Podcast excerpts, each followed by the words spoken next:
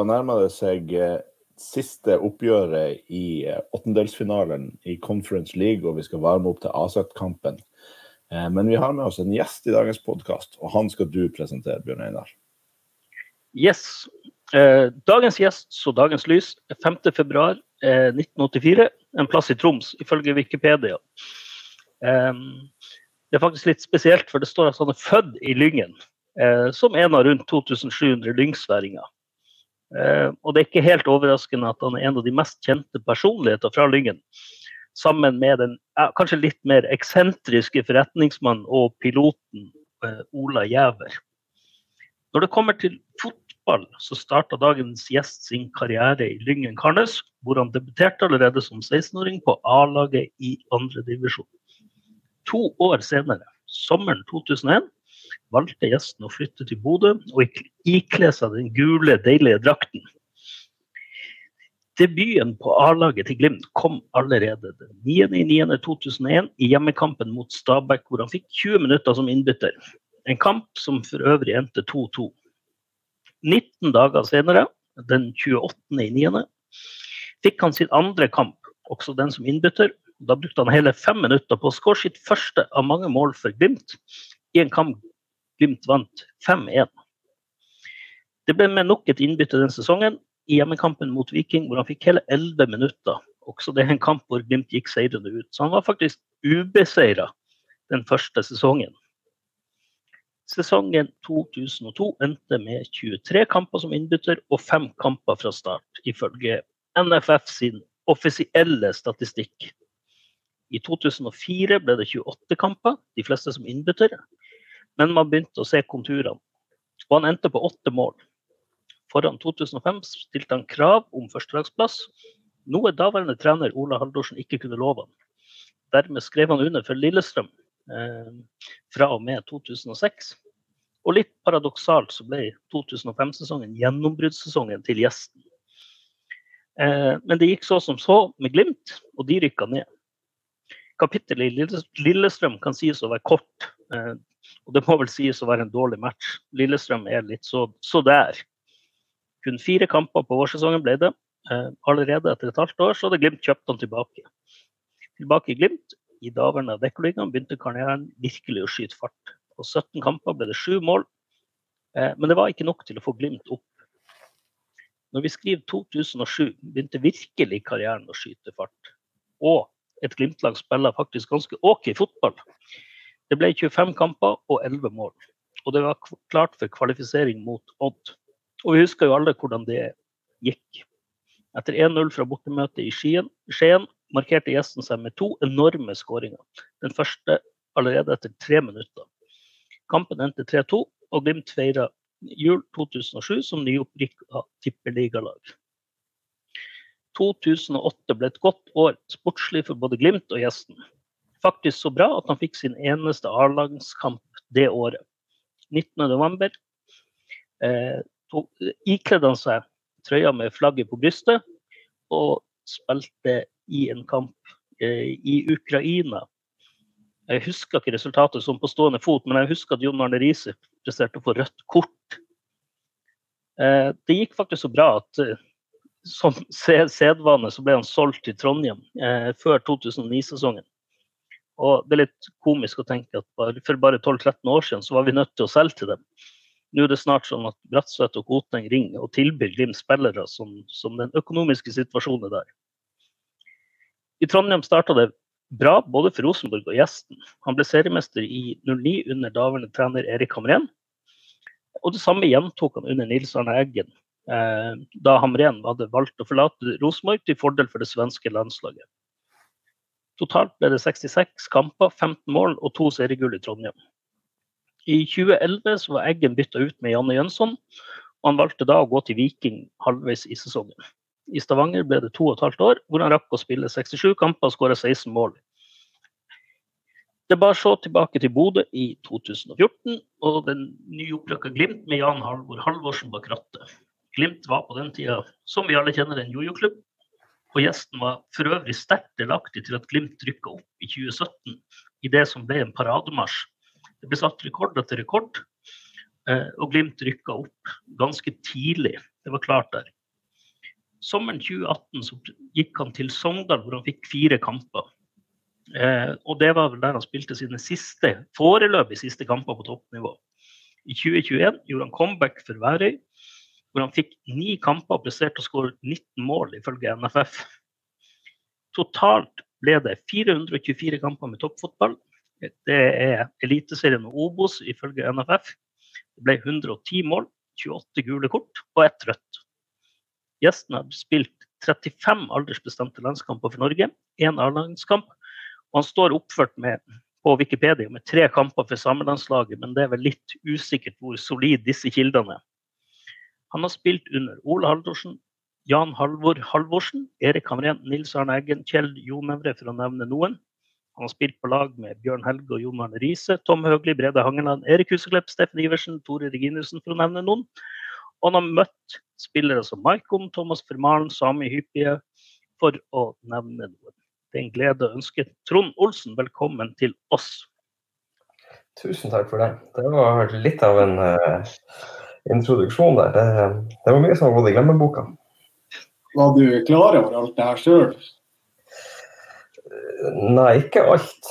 Uh, det var jeg ikke. Men uh, når man begynner å tenke over ting og ja, egentlig alle treningskampene man har spilt rundt omkring og på La Manga og Marbella og i Spania, så, så er det ganske mange solide spillere man har møtt.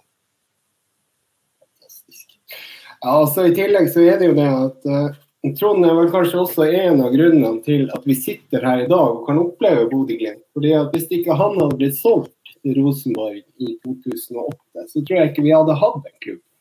Da hadde vi uh, nok ligget der sammen med Lyn i tredjedivisjon og vaka enda. Så vi takker ditt talent og din briljanse for at vi faktisk har en fotballklubb som har tatt to, to seriegull på rad nå. Så tusen takk, Trond, til deg også.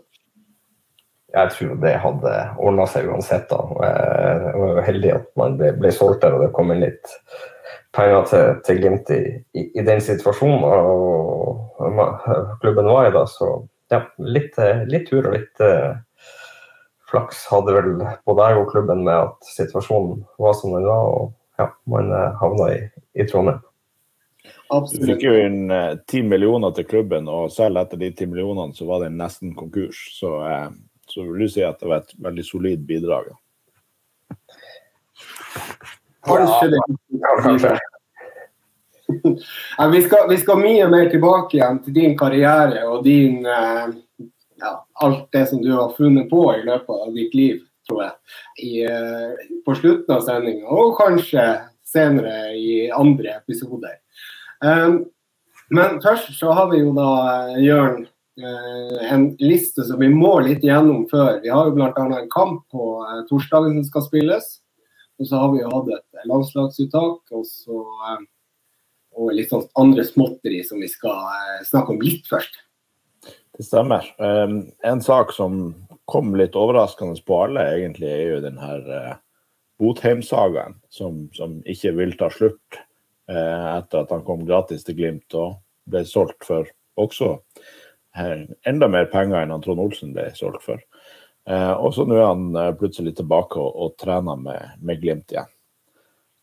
ja, han var og trente med Glimt, og så plutselig så var han ikke med til Spania. Og Vi trodde jo det at det kanskje var en mulighet for at han skulle, skulle bli i Bodø. Men nå ser det litt mer vanskelig ut. Jim Solbakken er vel grisk på å skulle ha noe penger her nå. Og, uh, ja, hva, hva, du tror Trond? Er, er Botheim på jakt etter kroner, eller er han på jakt etter trygghet, eller hva han vil akkurat nå, hvis du skulle vært om, jeg skulle velte, eller om jeg hadde vært i hans sko, eller uh, det, er jo litt, uh, det er jo litt vanskelig å svare på. Altså, en ting tenker jeg på eh, Vil han eventuelt bli klar for å spille Europa?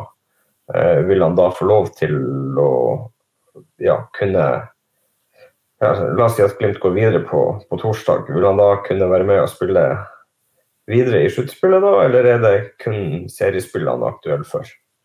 Um, er det kun seriespillene aktuelle for, eh, så tror jeg faktisk hadde jeg vært han, at jeg ville ha prøvd å, å finne meg en eh, ganske bra klubb i, eh, på kontinentet. Eh, for det, det, er nok mange gode klubber der som er på jakt etter en spiss som skårer mål, og spesielt nå når det begynner å dra seg til på, på slutten av året, og, og, klubber både trenger poeng for å overleve og for å kjempe om diverse europaplasser. Så eh, han er i en unik situasjon sånn sett. Så han har jo mange muligheter, og jeg skjønner godt at han bruker tid på, på å fatte et valg. Absolutt, og det er jo akkurat det her. Og det vet vi jo ikke ennå, om han kan spille Conference League for Glimt. For det at I utgangspunktet så er han jo registrert i høst. Og, um, og er vel på en liste der hvor han står som en reserve, eller hva man skal si, utmeldt spiller i Glimt. Og Der må det vel egentlig et uh, vedtak fra Uefa til for at han skal kunne spille for Glimt i, i eventuelle hvis vi går videre. da. Ja, men vil han da eventuelt kunne spille for en annen klubb som går videre? La oss si at Roma henter han. Øh, kunne han ha spilt for Roma? Ja, det vil jo ikke vi, da. Det... Men, men nå er det vel sånn at Serie A-klubbene har vel fått nei på å hente russiske spillere.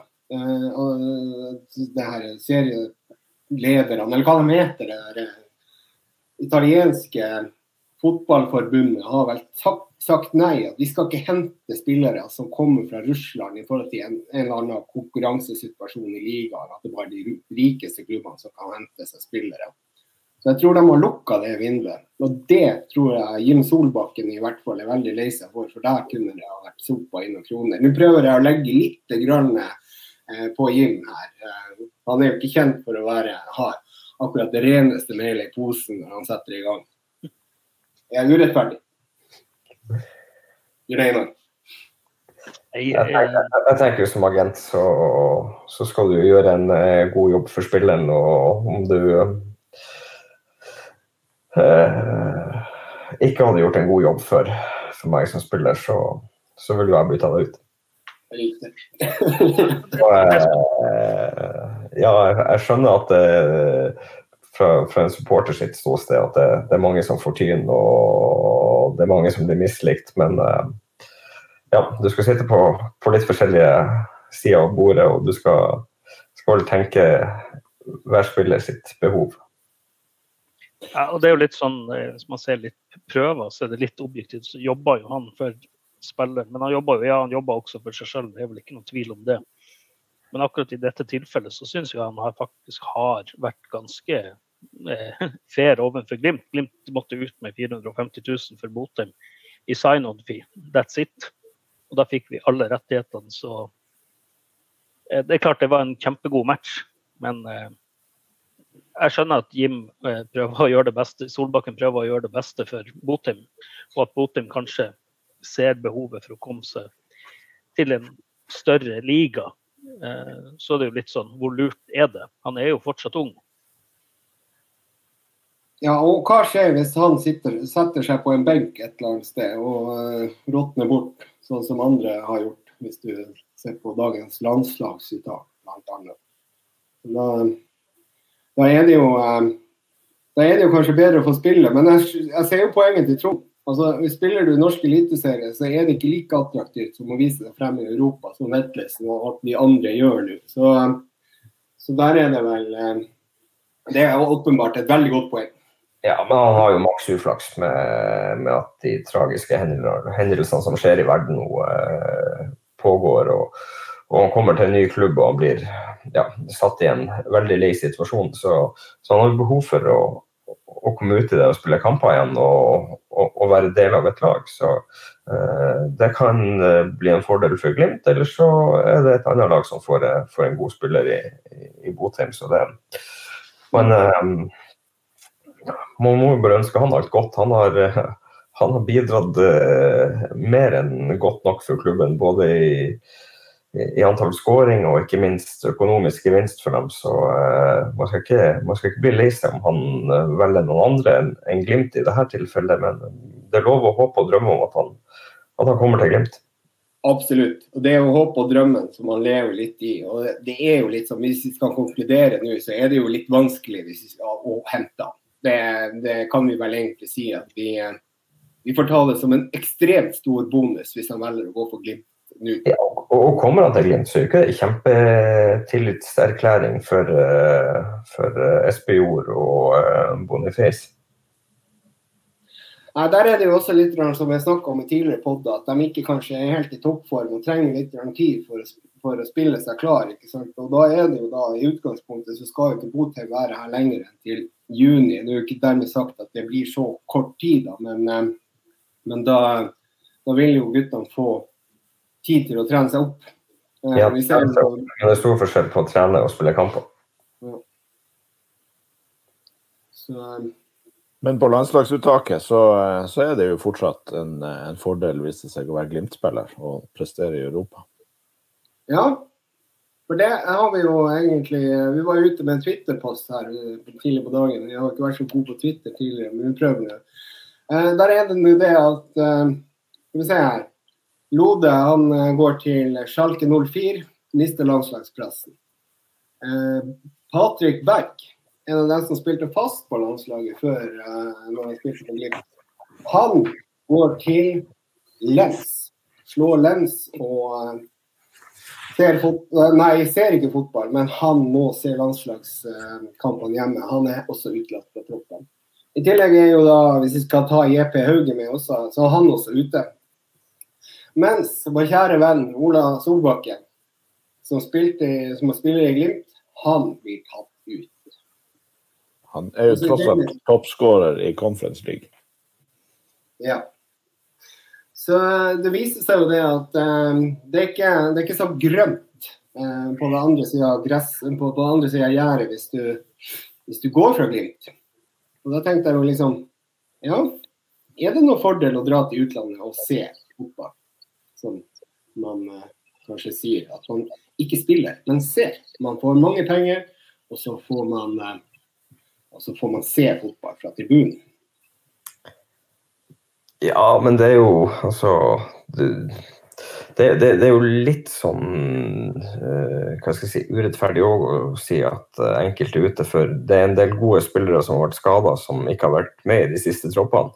Og når de kommer inn og er i form og, og, og ja, eh, har levert varene, så, så, er de selvskreven på lønnslaget. Og da er det helt naturlig at noen forsvinner ut.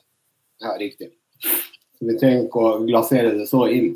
Men en, en annen spiller som vi heller ikke har sett på en stund på landslaget, det er jo Erlendal Reitan. Eh, han har jo han har jo heller ikke Hvordan er det med han? Nei, han, han, forsvant vel ut når han gikk til Rosenborg. Han var vel en del av U21 når han var i Glimt. og Har vel aldri tatt overgangen. Det er vel ikke noe tvil om det. at jeg syns jo han har stagnert. Han var, jeg syns han var en av seriens beste backer når han var i Glimt, men nå syns jeg at han Ja. Han er, han er, en god defensiv back, men jeg synes han har, har, ikke vist noe offensivt. Han har ikke vist mye at han er en moderne back. Eh, når du da ser de backene Glimt har, så syns jeg det at vi har tatt noen steg og utvikla noen spillere siden han dro. Ja. Eh, du sa, han, du sa, han er ikke dårlig fotballspiller. Og nå sitter han i, i, i Rosenborg, eller det er vel sånn vi må snart uh, melde han savna på oss til Norge. Ja, jeg har ikke sett noe til Erlend Reitan siden han var i gult, så jeg, jeg vet ikke. Men uh, kanskje en liten, en liten tis på melkekartongen, sånn som de har i USA eller et eller annet. Hvor er han? Hvor er den mannen? Har noen sett ham? Ikke sant? Så, så der, er, der, er, det jo også litt, uh, litt mangel av eksponering. Den var fin. Den var fin den. Et lite spark til, til, eh, til, våre venner i Trondheim. Vi, får sikkert høre det fra Rotsekk. Nei. Ja, ja. jeg tror ikke de hører på. Du var så fornøyd med å ha lånt ut han Emil Seid som sitter og ser fotball i Italia. Han har vel ikke spilt mange minutter siden han gikk derifra, så det er en opsjon. Det spørs vel om den blir utløst. Men um, Eh, Ola Solbakken på, på, eh, på, landslaget, tror dere han får spille? Det kommer jo litt an på kampbildene. Eh, jeg tror ikke sånn som troppen er nå, med, med de spillerne som er inne, så tror jeg ikke han er tiltenkt å starte. Men uh, han kan være en joker som kommer inn. Uh, det kan han fort være. Men uh, ja. nå vet ikke jeg helt hva, hva, Ståle sin plan er inn mot de her kampene. Så det, det, er jo litt vanskelig å svare på. men jeg syns jo det at Kanskje å komme inn og endre et kampbilde, ja. Men jeg tror ikke han er i en startelver per tiden.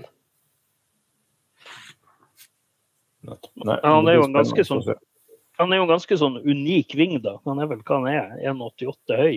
Det er ganske solid bygd til å være, være vingspiller. Med tanke på den hurtigheten han også har. Da. Han sitter, besitter jo noen fysiske X-faktorer. Som, som, få andre på det norske laget. Han konkurrerer tross alt mot Mats Møller Dæhlie. Og han er, nå ikke jeg veldig høy, men Mats Møller Dæhlie er vel ikke kjempehøy, han heller. Nei, det er han jo ikke. Men det er jo, eh, det er jo måten de skal spille på. Om eh, de skal være eh, så gjennombruddshissige og, og det. Og så er det jo klart at det, det er én ting å spille på Glimt, der du er vant med relasjonene og, og, og du har et, et grunnspill å, å, forholde deg til, og så kommer du inn i, i, et landslag der du får litt nye oppgaver og nye roller å forholde deg til. så det er, ikke, det er ikke sagt at det er like enkelt der som det er i Glimt. Nei, og det ser vi jo. Vi ser jo f.eks. Håkon Evjen som har slitt med å spille seg inn på et Aset som ikke nødvendigvis er så mye bedre enn Glimt. Nå skal vi komme litt inn på det. Jeg syns han viste prov på hva han besitter. Han har jo en tyngdeoverføring som få andre norske fotballspillere har. Det syns jeg han viste mot, mot Glimt, da. Men, men samtidig syns han eh, synes jo det at Glimt hadde grei kontroll på Håkon Evjen. Vi kan skli over i Aset-kampen. Eh, han ja, altså Jeg syns jo Håkon Evjen gjorde det bra utpå der, så det er jo litt overraskende at det lille jeg har sett av de, at ikke han spiller mer. Ja, men det Jeg kan ikke, jeg, jeg kan ikke svare på på det, for jeg har ikke sett uh, noen ting ut av de nederlandske kampene og, og, hvordan han har gjort det. Um, jeg syns han var, gjorde en OK figur mot Glimt. Uh, og han jobba og sto på. og Han har uh, ja, noen fine detaljer inn, innimellom der. Hælsparket for, for utligninga er en fin detalj han bidrar med. Så, så det er klart at han var, han var nok ekstra gira og sugen på å vise seg frem på Aspmyra og, og, prøve å gjøre en god kamp. Eh, men når det skal sies, så syns jeg eh, det Alkmaar-laget som var her, de, de hadde vært flinke og gjort hjemmeleksa si og studert Glimt godt. og, og flinke til å demme opp for Glimt. og det, det så vi at uh, Glimt sleit med å finne ut av det og, og, ja, og få i gang spillet sitt. Ja, absolutt. Jeg syns de, de, var godt organisert. Eh, og liksom visste, De tok jo ut midtbanen. De tok jo lurven fra stort sett hele midtbanen og alle forsøk. Og så samtidig hadde de ekstremt tempo når de skulle presse eh, Forsvaret. Men jeg syns jo Forsvaret til Glimt spilte en fantastisk kamp. Eh, jeg tror jeg sa det i forrige podkast, jeg tror ikke jeg har sett Samsted bedre enn det han var i den kampen. Eh, og det er jo også morsomt å se at han er blitt en offensiv back. Han har virkelig utvikla seg der, syns jeg, i løpet av ja, fjorårssesongen og det han har vist i Europa. Men samtidig syns ikke de satte Glimt på så mye prøver. Det viser jo statistikken også, at det var ikke De var ikke kjempefarlige. Eh, men var, de hadde sine farligheter. Nå var jo selvfølgelig noen av de, to av de sjansene offside, riktignok. Men, men eh, Glimt var jo atskillig farligere på de. Ja, Espejord sin sjanse, Vetlesen sin, den SPO la ned.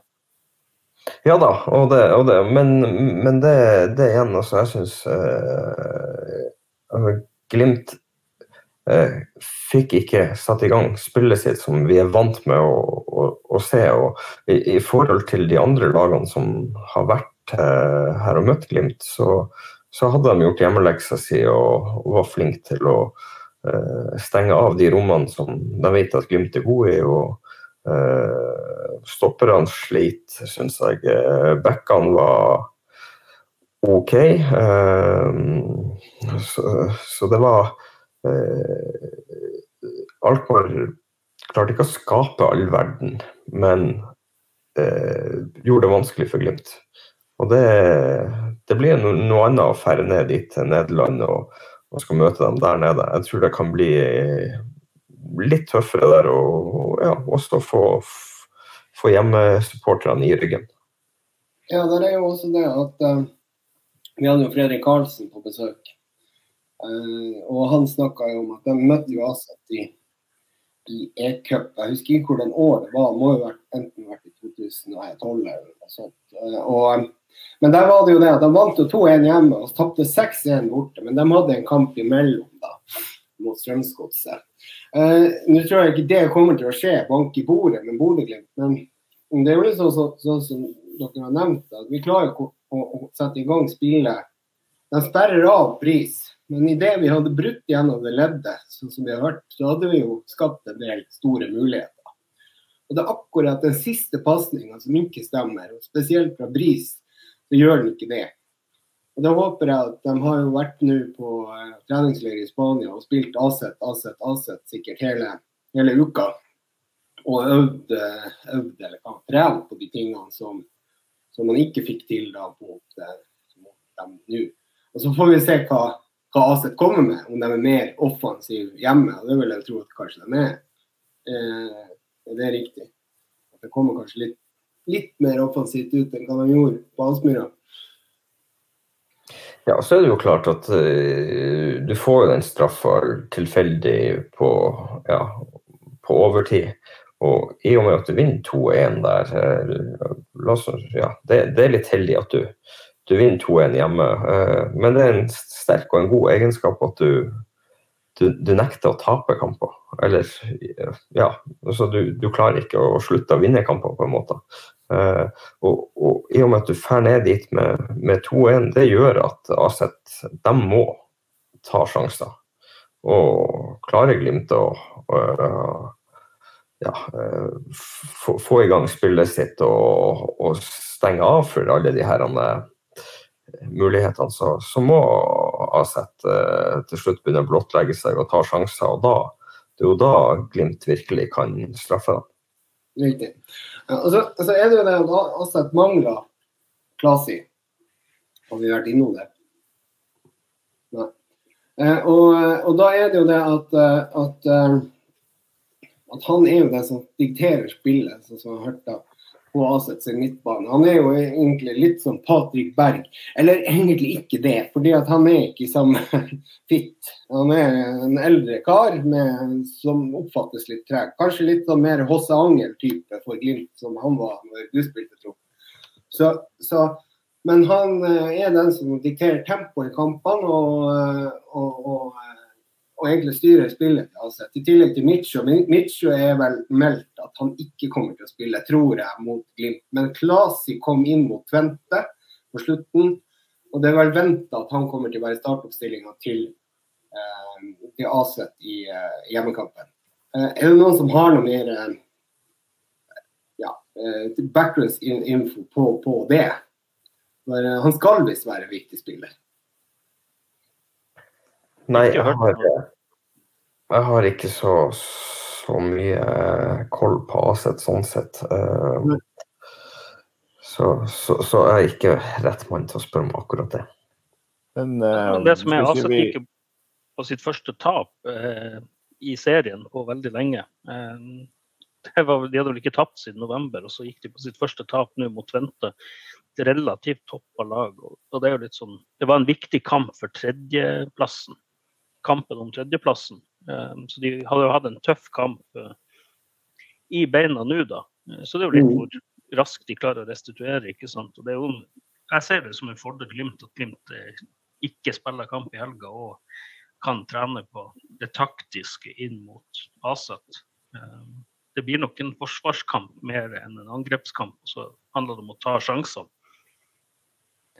Det er klart nå skal ikke vi tilbake til uh, Ålesund-sagaen, men uh, nå viste det seg virkelig som den fordelen det er at de får en perfekt oppladning. og det er klart Aset er i sesong, og Glimt er ikke det. Men, men uh, når, når, de jo faktisk tapte òg, så må de jo ha brukt en del energi på å jage mål gjennom Tvente-kampen, som forhåpentligvis sitter litt i beina fortsatt på torsdag.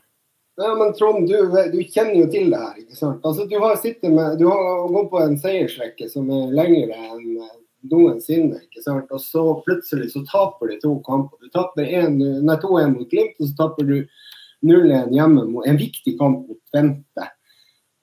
Altså, Går ikke det her litt på hodet? Altså, du kommer litt mer defensivt ut. Altså, du, kan, du, du, kan jo, du kan jo si altså, tape mot Glimt hvis du skal prøve å se det fra Asets side, så, så, har de jo egentlig de, de, er veldig fornøyd etter 80 minutter med at de har 1-1. De er veldig fornøyd med det, og de prøver egentlig å komme seg i havn med 1-1. Og så får du et billig straffespark imot deg på, på overtid, så, så, det tapet der, det, det svir. Uh, og så, klart, så har du en viktig kamp om, om tredjeplassen og uh, e-klubbplasser i, i, hjemlig serie òg i helga, som, som, du taper. og det, det, er, det er aldri gøy å tape kamper. og uh, Det trenger ikke ha noe å si inn mot Glimt-kampen, for du vil jo bare få en ny mulighet til å riste av deg det ganske kjapt igjen. Så, ja, men altså, akkurat den muligheten der ja. Jeg vil litt tilbake til når du spilte. ikke sant? Håvard Nilsen han tok jo en del poeng fra Glimt, i, i, i, hvert fall i din periode i klubben. Du er jo kok forbanna når du har fått et dommeravgjørelse mot deg. I tillegg så går du på et tap etterpå. Ja, da Men da, da du, du, får ikke gjort noe med det. det. det. kommer en ny kamp, og da må du prøve å nullstille deg til, til den kampen og, og være klar til, til det. Og så eh, må du gjøre noe altså, du, du, du, er nødt til å fokusere på det du kan gjøre noen ting med, ikke med det som har skjedd. For det, det får du ikke gjort noen ting med, men du kan gjøre noe med det som kommer frem i tid. Og, Aset må jo ha fokus på, det, på hva de skal gjøre. og så regner med at Glimt kommer til å dra dit. og De kommer ikke til å legge seg bakpå. De skal ut og spille sitt spill, og jeg regner med at vi ser, ser et Glimt-lag som kommer til å vil ønske å angripe og vil være med og eh, prege den kampen. Så, så, jeg tror jo det at så, så lenge Glimt tør å være seg sjøl og ikke drite seg ut på noen sånne eh, stygge ballmiss av det, så, så, kommer de til å både skåre mål og bite godt ifra seg. Og så er det opp til dem om de klarer å holde eh, buret rent. Ja, det, det, altså Ja, men det, det er Det her kommer til å bli en gysere av fotballkamp. Og jeg tror nok ja, Hvis Glimt skårer, da skal det bli vanskelig. Da må vel AC ta tre mål for å gå direkte videre. Så da, da skal det bli koke hardt hvis Glimt går opp i 1-0-ledelse der. Ja, men samtidig så trenger du altså, Det er fullt mulig å skåre to mål og få ekstraomganger og alt, så det er det er jo man skal ikke, altså Skårer Glimt tidlig, så skal man ikke ta det for gitt at de, de er videre. Du, du skal nå spille de 90 minuttene, men Glimt har satt seg i en ekstremt god situasjon. Uh, og det er kun opp til dem sjøl om de uh, klarer å ta vare på denne matchballen de har. For uh, de er gode nok til å, til å, kunne gå videre, og da, da, må de ha det fokuset og den truen på at de, de skal klare å, å gjøre det. og jeg, jeg, tror, jeg tror at de de uh, klarer det. Uh, det. det. var litt uh, artig. Jeg var på Aspmyra på, på, torsdag, og da var det veldig mange som var ja, i dag blir det seier. Og de var egentlig litt redda, for de har vært på alle de andre kampene og, og, tenkt liksom det motsatte. Nei, vi har ikke sjanse mot Roma. Nei, vi har ikke sjanse mot Celtic. Nei, vi har ikke sjanse mot dem. Og så blir du overraska, overraska, overraska. Men nå, er, nå, har folk den motsatte der, at faen, det her tar Glimt.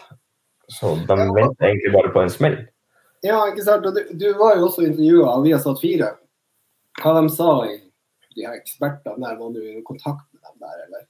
Nei, jeg var kun på stadion, så det har ikke jeg fått med meg hva de egentlig har sagt og, og gjort. Så, så jeg vet ikke. Men um, ja, uh, jeg tror jo det at uh, du er nødt til å fære ned dit og, og ha den trua på at du, du skal vinner kampen. Riktig. Ja.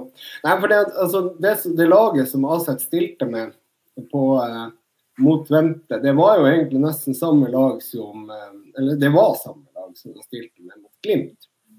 Eh, det var eh, Pavlidis, det var Divit, det var Karlsson, det var Evjen, det var Coopminders, det var Reinders. Og så var det han Vindal, Indi. Og så Hatsadikos Jeg vet ikke om han spilte mot Glimt. Og så var det Året. Vadsøværingen. ja. Han, han von Wittry spilte jo ikke, han, han som høres ut som han er med på Gevinne ja, hovmester. Von Wittry, ja. ja. Von Wittry. Von Wittry.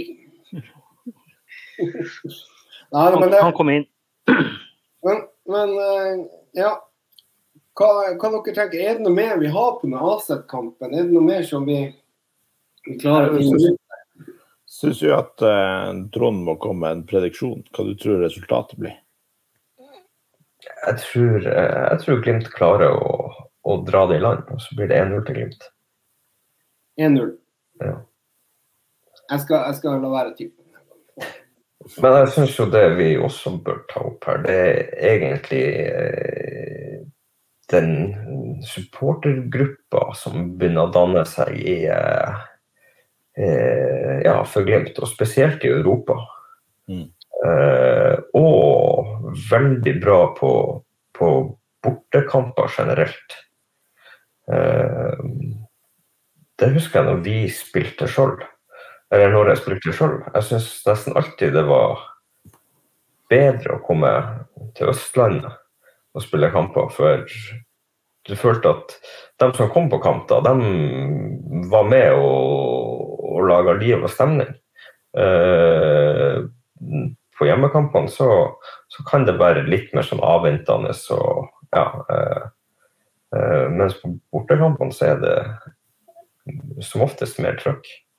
Um, så det syns jeg det er mange som skal ha skryt og honnør for. Og så er det, er det egentlig ganske rått å se alt det her som, som skjer nå når du er rundt i ja, på, eh, i Roma. Du ser den gule veggen der og uh, mot Celtic, ikke sant. Og det, det, er mye folk. Det er fra 800 til 1700-1800 gule gærninger som drar på kamp. Så det, det er kult å se. Ja, og der er det jo egentlig, hvis vi skal ta den Eh, støtten på Østlandet, så er det jo Glimt i sør. Eh, nå sitter jo du sammen med tre eh, tidligere Glimt i sør-medlemmer. Jeg vet ikke, Jørn og Bjørn Einar er jo fortsatt det, dere bor jo på Østlandet. Man kan ta litt om Glimt i sør, da, som jeg tror er nøkkelen til at du får trøkk.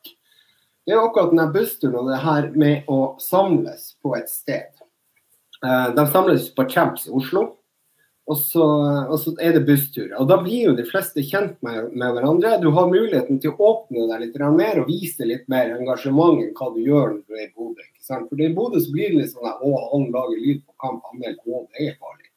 Mens uh, når du kommer inn i Glimt i sør, så er det liksom sånn at du er mottatt veldig godt. Blir fort en del av miljøet. Det blir alle. Og i tillegg så er det det at du blir eh, du blir kjent med, med, alle på den bussturen. Og Det tror jeg er et ganske godt eh, resonnement i forhold til hvorfor det er mer trøkk på bortebane enn hva det er på hjemmebane i forhold til Glimt i sør. Da.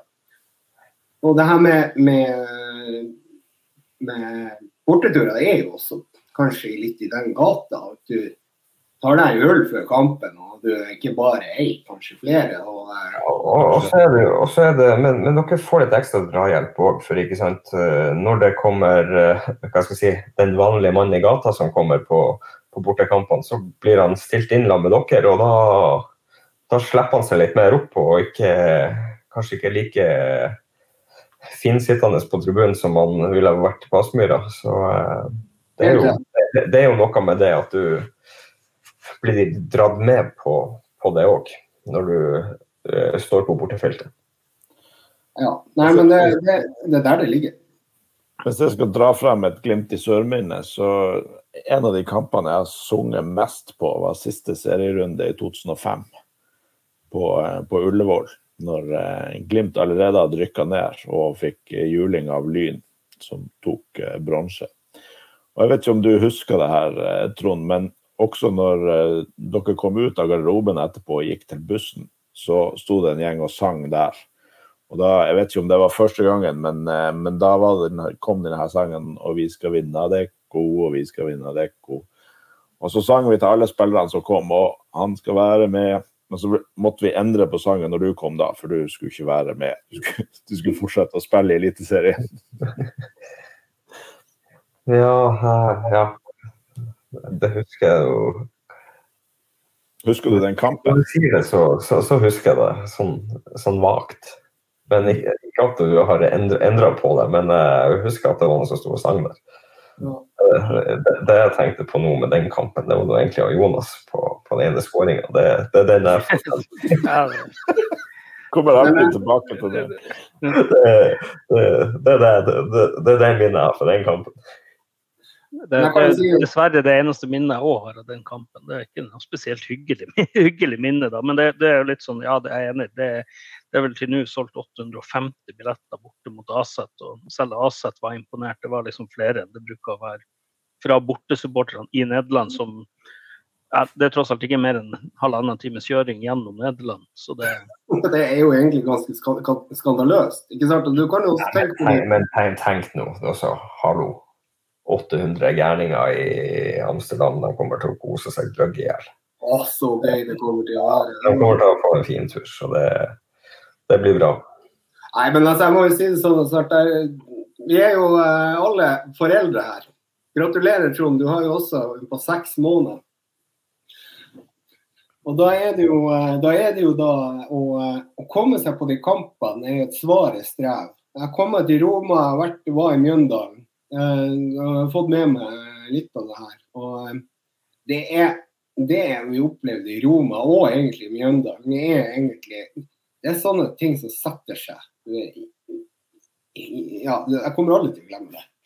Altså, Roma er det var så trøkk. Altså, før kampen også, i gatene i Roma. Det ble, og, og det her med, med Dæven, det er deilig, det her på stadion også. Og alle de andre sangene som ble sunget. Det ljoma utover den Olympiastadion i Roma. Det, det var helt rått. Og du, du var liksom, Tenk å være oppleve det her. Stå og se på berget. Jeg sto helt nederst og bare så på det. Fikk jo øl i ansiktet, og hva jeg ikke fikk da. Men det, det, var, det, var, det var helt magisk. Faktisk Roma-supporterne trodde vi brukte pyro, men det var øl som ble kasta i lufta. Det, det var det. Så de klærne var godt, godt neddynka. Det, kanskje det kunne vært et innlegg i pyrodebatten? At vi legger pyrodebatten død hvis vi endelig får øl på tribunen? Ja, absolutt. Det tror jeg var kjempegøy. Men eh, også Mjøndalen, da, da hvor det ble storming av banen. Jeg sto der akkurat på kanten, så ser jeg, ser jeg det fem-seks stykker som stikker over. Så står en politimann så sier han til meg at ikke gå over det gjerdet. Så ser jeg på han. Jeg tror jeg må. OK, da, sa han. så, så da var det ut på banen. Og sprang som en tulling. Ja. Ja, jeg, jeg sa til 16-åringen du får ikke lov å storme ut på banen. Jo, det skal jeg, sa han. Så løp han av gårde, og så sto jeg der og tenkte ja, ja, jeg må vel det. Ja. ja, det var det, men, men herregud og fader, det er akkurat det som ja, men Er det ikke deilig å få oppleve det her? Dere, altså, dere har vært supportere i alle år og vært, vært, med på det. Hvordan er det for dere å få være med og liksom oppleve det som skjer? Hvordan, hva, hva sitter dere igjen med egentlig av minner de siste årene? Hva er det som har brent seg mest inn? Først og fremst, min, min egen del så syns jeg det å faktisk slå Lillestrøm på bortebane er stort. Det, det, det, jeg hadde mange grusomme opplevelser på Åråsen der i bortefeltet. Det, det, var godt å endelig få, selv om det ble 1-0, så var det godt å bare eh, få en seier der. Men det, er jo uvirkelig, og det tror jeg er kanskje den største forskjellen mellom Glimt-supportere og andre supportere, er at det har aldri vært noe forventninger. Det har vært noen forhåpninger om et eller annet cupgull i ny og ne. At ja, kanskje vi skulle hevde oss, få en medalje. Det ville alt over det. Det er, det er bonus. og det er sånn, Dette er desserten. Eh, vi er virke, har virkelig gått all in på buffeen. Det, det er rimelig sykt å oppleve. Det er ingen som kunne ha forestilt seg det. Ja, altså det å gå ifra, det å gå ifra altså de bussturene til Glimt i sør har alltid vært veldig bra, men det å sitte på bussen hjem etter å ha tapt 3-1 mot Hønefoss, en lang og kjip busstur i, i førstedivisjon, til å gå rundt på gata i Glasgow og bli stoppa et 30-talls eh, Celtic-supportere som alle sammen vil snakke om ditt lag, og som vet navnet på spillerne på laget ditt, og lurer på hvilken av spillerne som kanskje kan være interessert i å kunne signere for Celtic det er jo som å, det er jo som å leve i en i et uh, sånn championship manager-spill. Liksom. Det er jo Ja. absurd. Men eh, altså, sant, alt har sin tid. ikke sant? Og Det var jo en tid at det var fantastisk å vinne ikke sant, på bortebane mot, uh, mot HamKam i, i, Obos-ligaen. Og, og og, og Det var jo- en glede av det òg. Men det her er jo, er jo helt sykt å oppleve. ikke sant? Altså, du, du, du hadde jo aldri tenkt det. At? Vi hadde en sang i Glimt i sør som, som gikk eh, Når Bodø-Glimt tar seriegull, så skal vi snu oss i grava. Eh, og, og, og, og den eh, Det var jo litt så morsomt. Men altså, det, det her hadde vi aldri trodd vi skulle oppleve. ikke sant? Det er sånn som Bjørn Einar sier, at kanskje vi kunne fått oss til et cupgull. Det var det vi hadde håpa på. Så det Ja. Når du, eh, når du slo Rosenborg 3-1 i 2008, Trond, da trodde vi at vi hadde nådd peak supporterlykke. Da vi tok Rosenborg. Da du slo Rosenborg. Det var vi. Ja, det var jo du. Jo, Men, men ikke sant, der òg, ikke sant. Altså, det er jo også sånn vi prater om det her med mye supportere av det. Og, og den kampen husker vi òg. Da hadde vi jo et vanvittig bra bortefelt. Ja. Så det er ikke sant. Det, det er noen kamper der du ikke visste at det var bra trøkk fra, fra dine, dine supportere på bortekamp. Og det, det, det betyr ganske mye. Og det er ganske gøy når det går bra og du, og du vinner kamper og du kan gå bort dit etter kampene. Ja, og så er det jo det, ikke sant. Altså, man er såpass heldig når man er i Glimt i sør at man får jo med seg jækla mange bortekamper. Eh, og eh, og det, det drar jo også Glimt nytte av i forhold til den supporterstøtten. Du ser jo ganske stor forskjell på f.eks. Sarpsborg borte, og så eventuelt Haugesund eh, borte, eller Sogndal borte. Og der eh, blir det jo litt tynt. Så det. Men eh, Nå, Men- nå, men da- nå, nå kommer det faktisk inn en snap her om folk som er på vei til Amsterdam. å, herregud. Ja, De har, eh, de har det norske flagg klar og skrev inn Bodø-Glimt og Ja, det, det, det det, ikke, jeg har ikke godt å se sånn. Jeg skal på utevennegruppearrangement med syvåringen i skogen. Jeg rekker hjem til kampen, men det er bare så vidt. Men det, det er jo noen kamper som har brent seg inn. ikke sant? Og det, jeg regner med du husker 16. mai i Bergen. Eh, 20, når var det? 14 per Magnus? 13? 2014? Ja. det var 14 eller 15. 14. Du var i hvert fall i studio dagen etter. Eller, eller Ja, kvelden etter. ja, kvelden etter. Ja, det, det var jo på kvelden etter kampen, ja. Ja, det, det var jo sånn Ja, du var jo der, Per Magnus. Det var jo en helt eh, magisk kamp der vi fløy Widerøe fløy Widerøe hjem liksom, sammen med Vadim Demidov og satt og dissa han helt til han ble kjempesint, for å si det mildt. eh, han, han hadde temperament, for å si det sånn. Ja, nei, den kampen der var den jo sånn at eh, Jeg tror det var noe, når, når du skåra, Trond, så reiv vi ned gjerdet på Brann stadion. Hele gjerdet kom ned. Eh, jeg vet ikke om du fikk med deg det her? Nei, det tror jeg ikke jeg fikk med meg. Det, jeg, jeg klarer ikke å huske hvor, hvor vi hadde supporterne våre den kampen heller. Det er vel uh, Ja, det er vel det har vært så mye ombygging der at jeg, jeg husker ikke hvor, hvor alle var de til slutt. Altså, jeg, jeg tror det var på den din skåring. Og, altså, og da er det jo sånn at, at det gjerdet var vel litt sånn halvveis provisorisk. Og uh, da er det jo ikke sant, Når, når Glimt skårer, så, så skal alle frem. Og så skal de prøve å få kontakt med spiller og sånne ting. Men poenget var, jeg tror det var det at du skåra på andre, på andre sida. Men uh, keeper kommer bort. Jeg tror det var Pavel Londak som kom bort og jublet med oss. og dermed så klapper hele gjerdet sammen. Og jeg får jo Espen Elien over meg og et par andre, og det er, det er altså fullstendig kaos og vakter overalt og gjerde overalt. Og så var det liksom begynte de å sperre av der.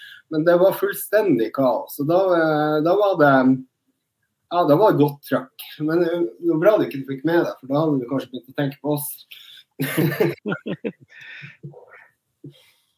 ja. Nei, da, så, så uh, Det er jo en del opplevelser som, som har vært uh, fine, ikke sant.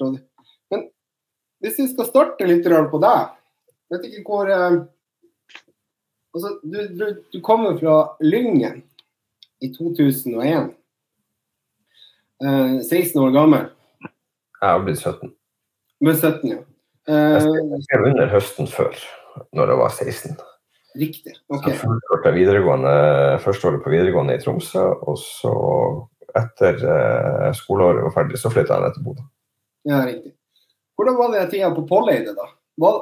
Fikk du spille på gress der? Var det gress der? Ja, ja, det er gress der ennå. Fantastisk bane. Hæ? Ja, det er en fantastisk bane. Der, eh, der har det vært mange artige kamper. og det var De var flinke lenge å holde den banen der bra. Så det var, en, eh, det var en ganske bra bane å spille på.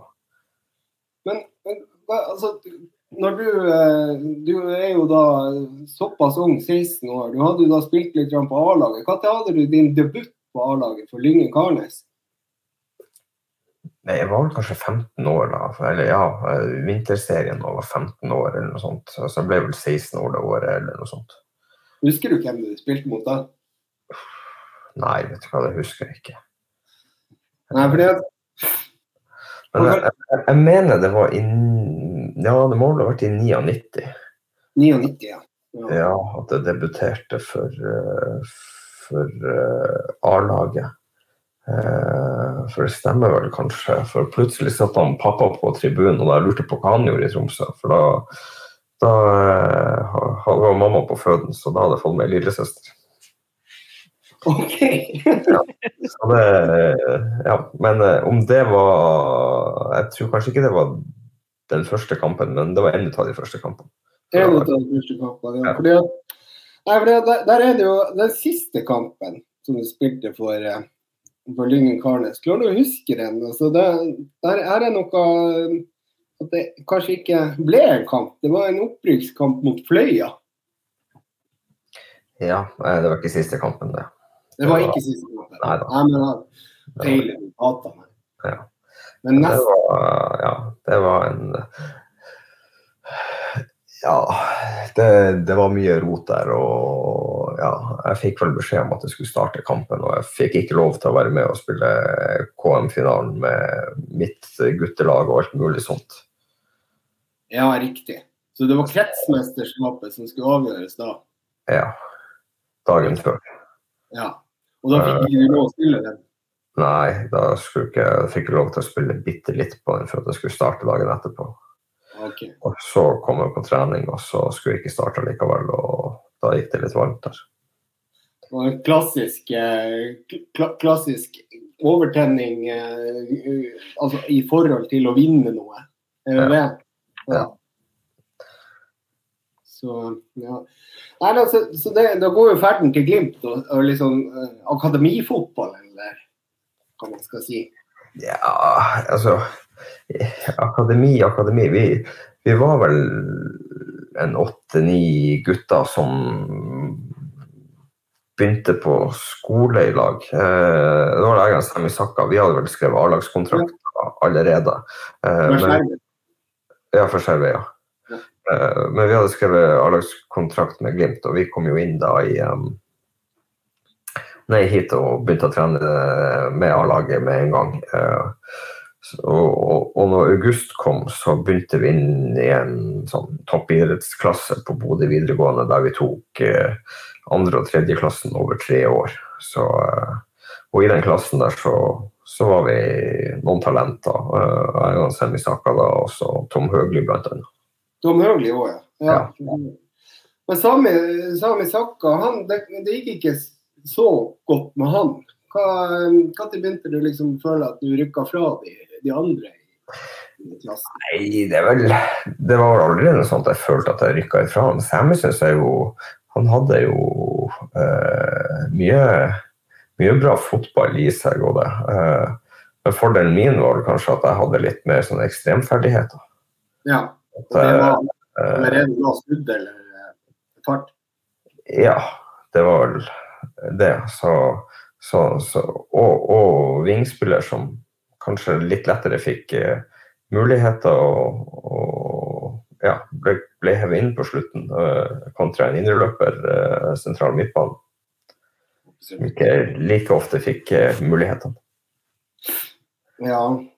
Nei da, men eh, vi skal nå vi, vi har jo lova at vi skal komme tilbake med det til deg eh, senere eh, episoder, så, eh, så vi skal spare litt til det. Men jeg bare har lyst til å ta litt grann, eh, eh, så, vi, vi spoler litt frem. Ja.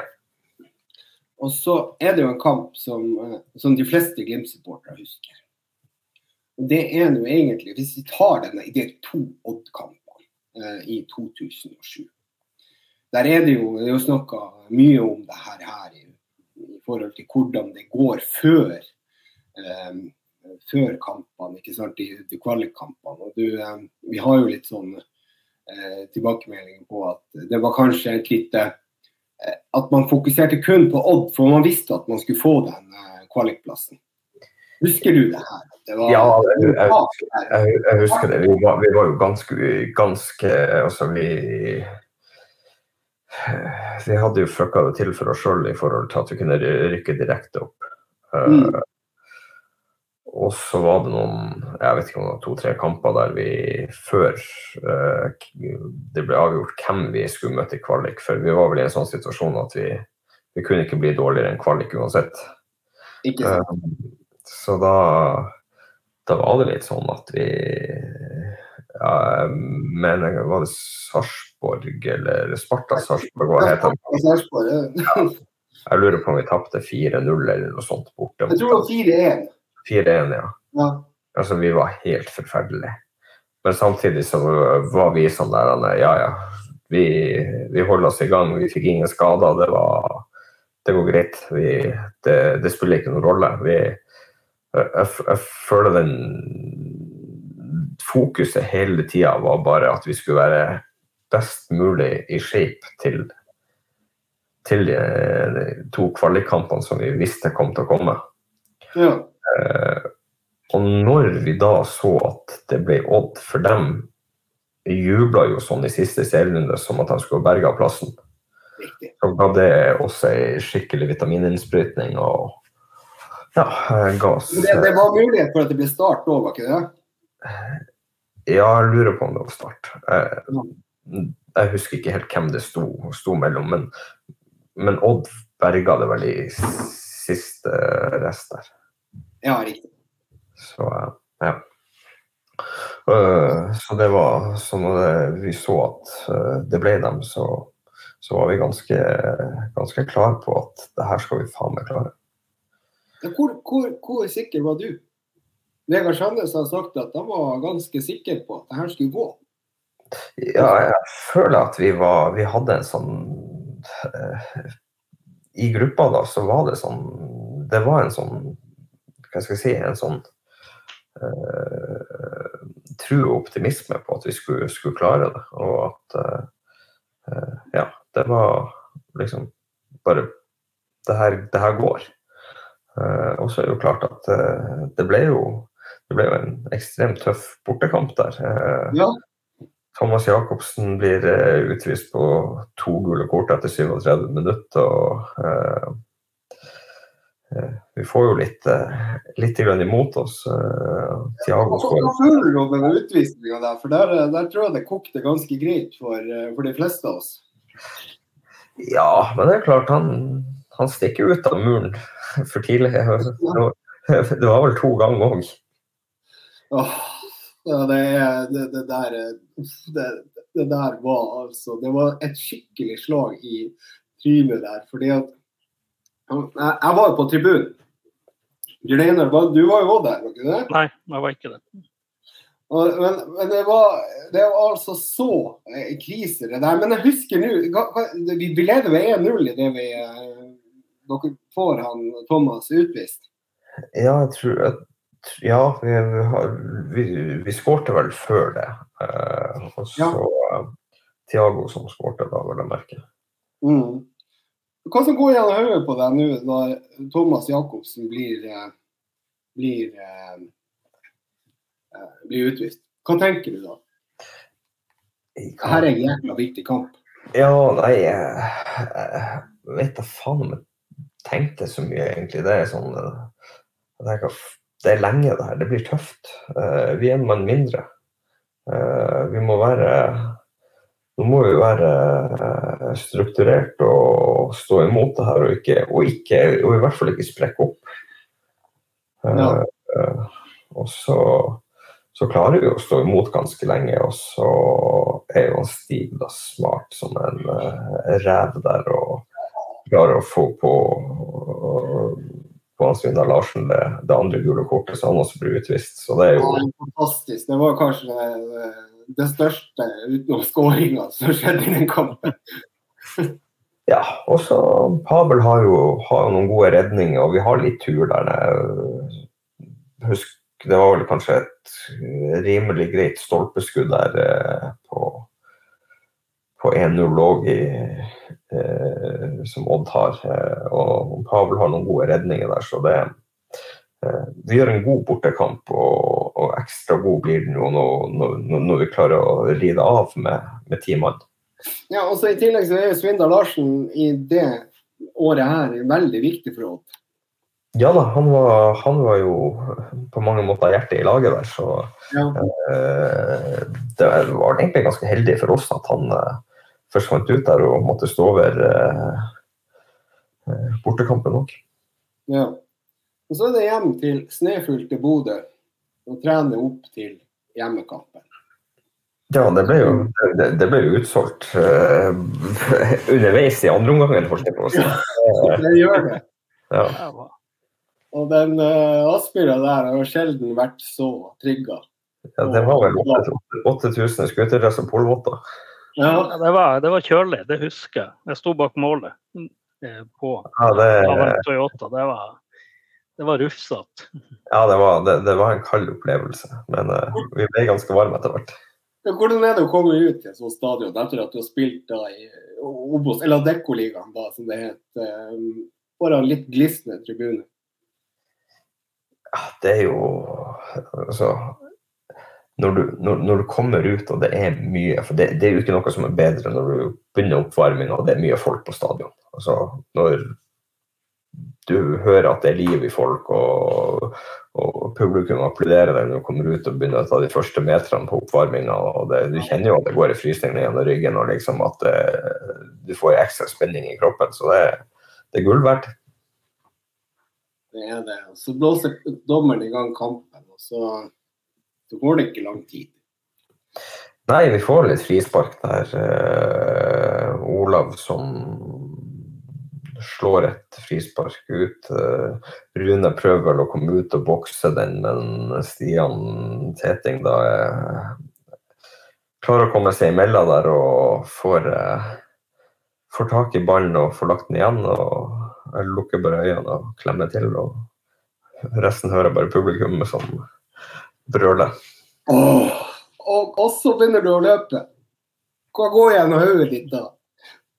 Nei, det er vel egentlig bare bekmørkt. Eh, Det er vel bare endorfinrus som, eh, som går gjennom alt der, og det er adrenalin og alt som, som smeller til. Så det Ja, det, du, du får jo en kanonstart på kampen. Vet du hvor langt du løper? Jeg ser ikke etter midtbanen eh, Ja. før jeg skjønte at uh, det her var idiotisk. Ja, jeg, jeg brukte lang tid på å komme meg etterpå.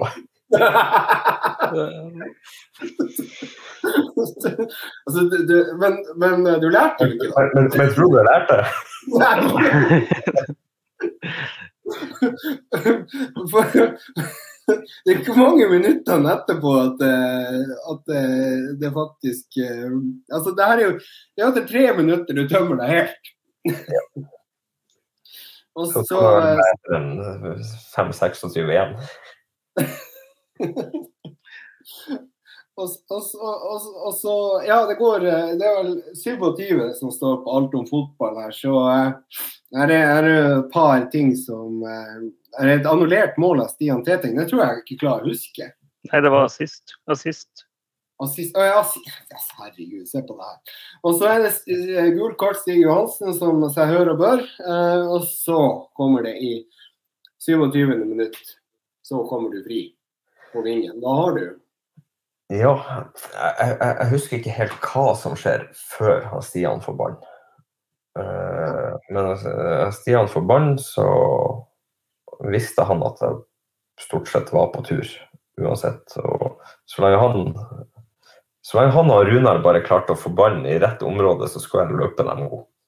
Ja. Så det, Stian har fikk seg noe sist på at han, eh, han slo i blinde, jeg visste ikke hva, hva han gjorde. Men ballen havna nå i, i perfekt eh, rom. Og ja, jeg kom på et løp og um, får den med meg via begge lårene og Ja, for det her er jo ganske teknisk. Eh, Har du flaks der, eller er det, eller er det rett og slett eh, vidunderlig fotball? eh, Egenskaper, for å si det sånn, akkurat der i det mottaket. det Hadde du spurt meg da, så hadde jeg sagt at det var bevisst. ja. ja. I dag så vil jeg si at det er ikke direkte ubevisst for at jeg får et dårlig første touch.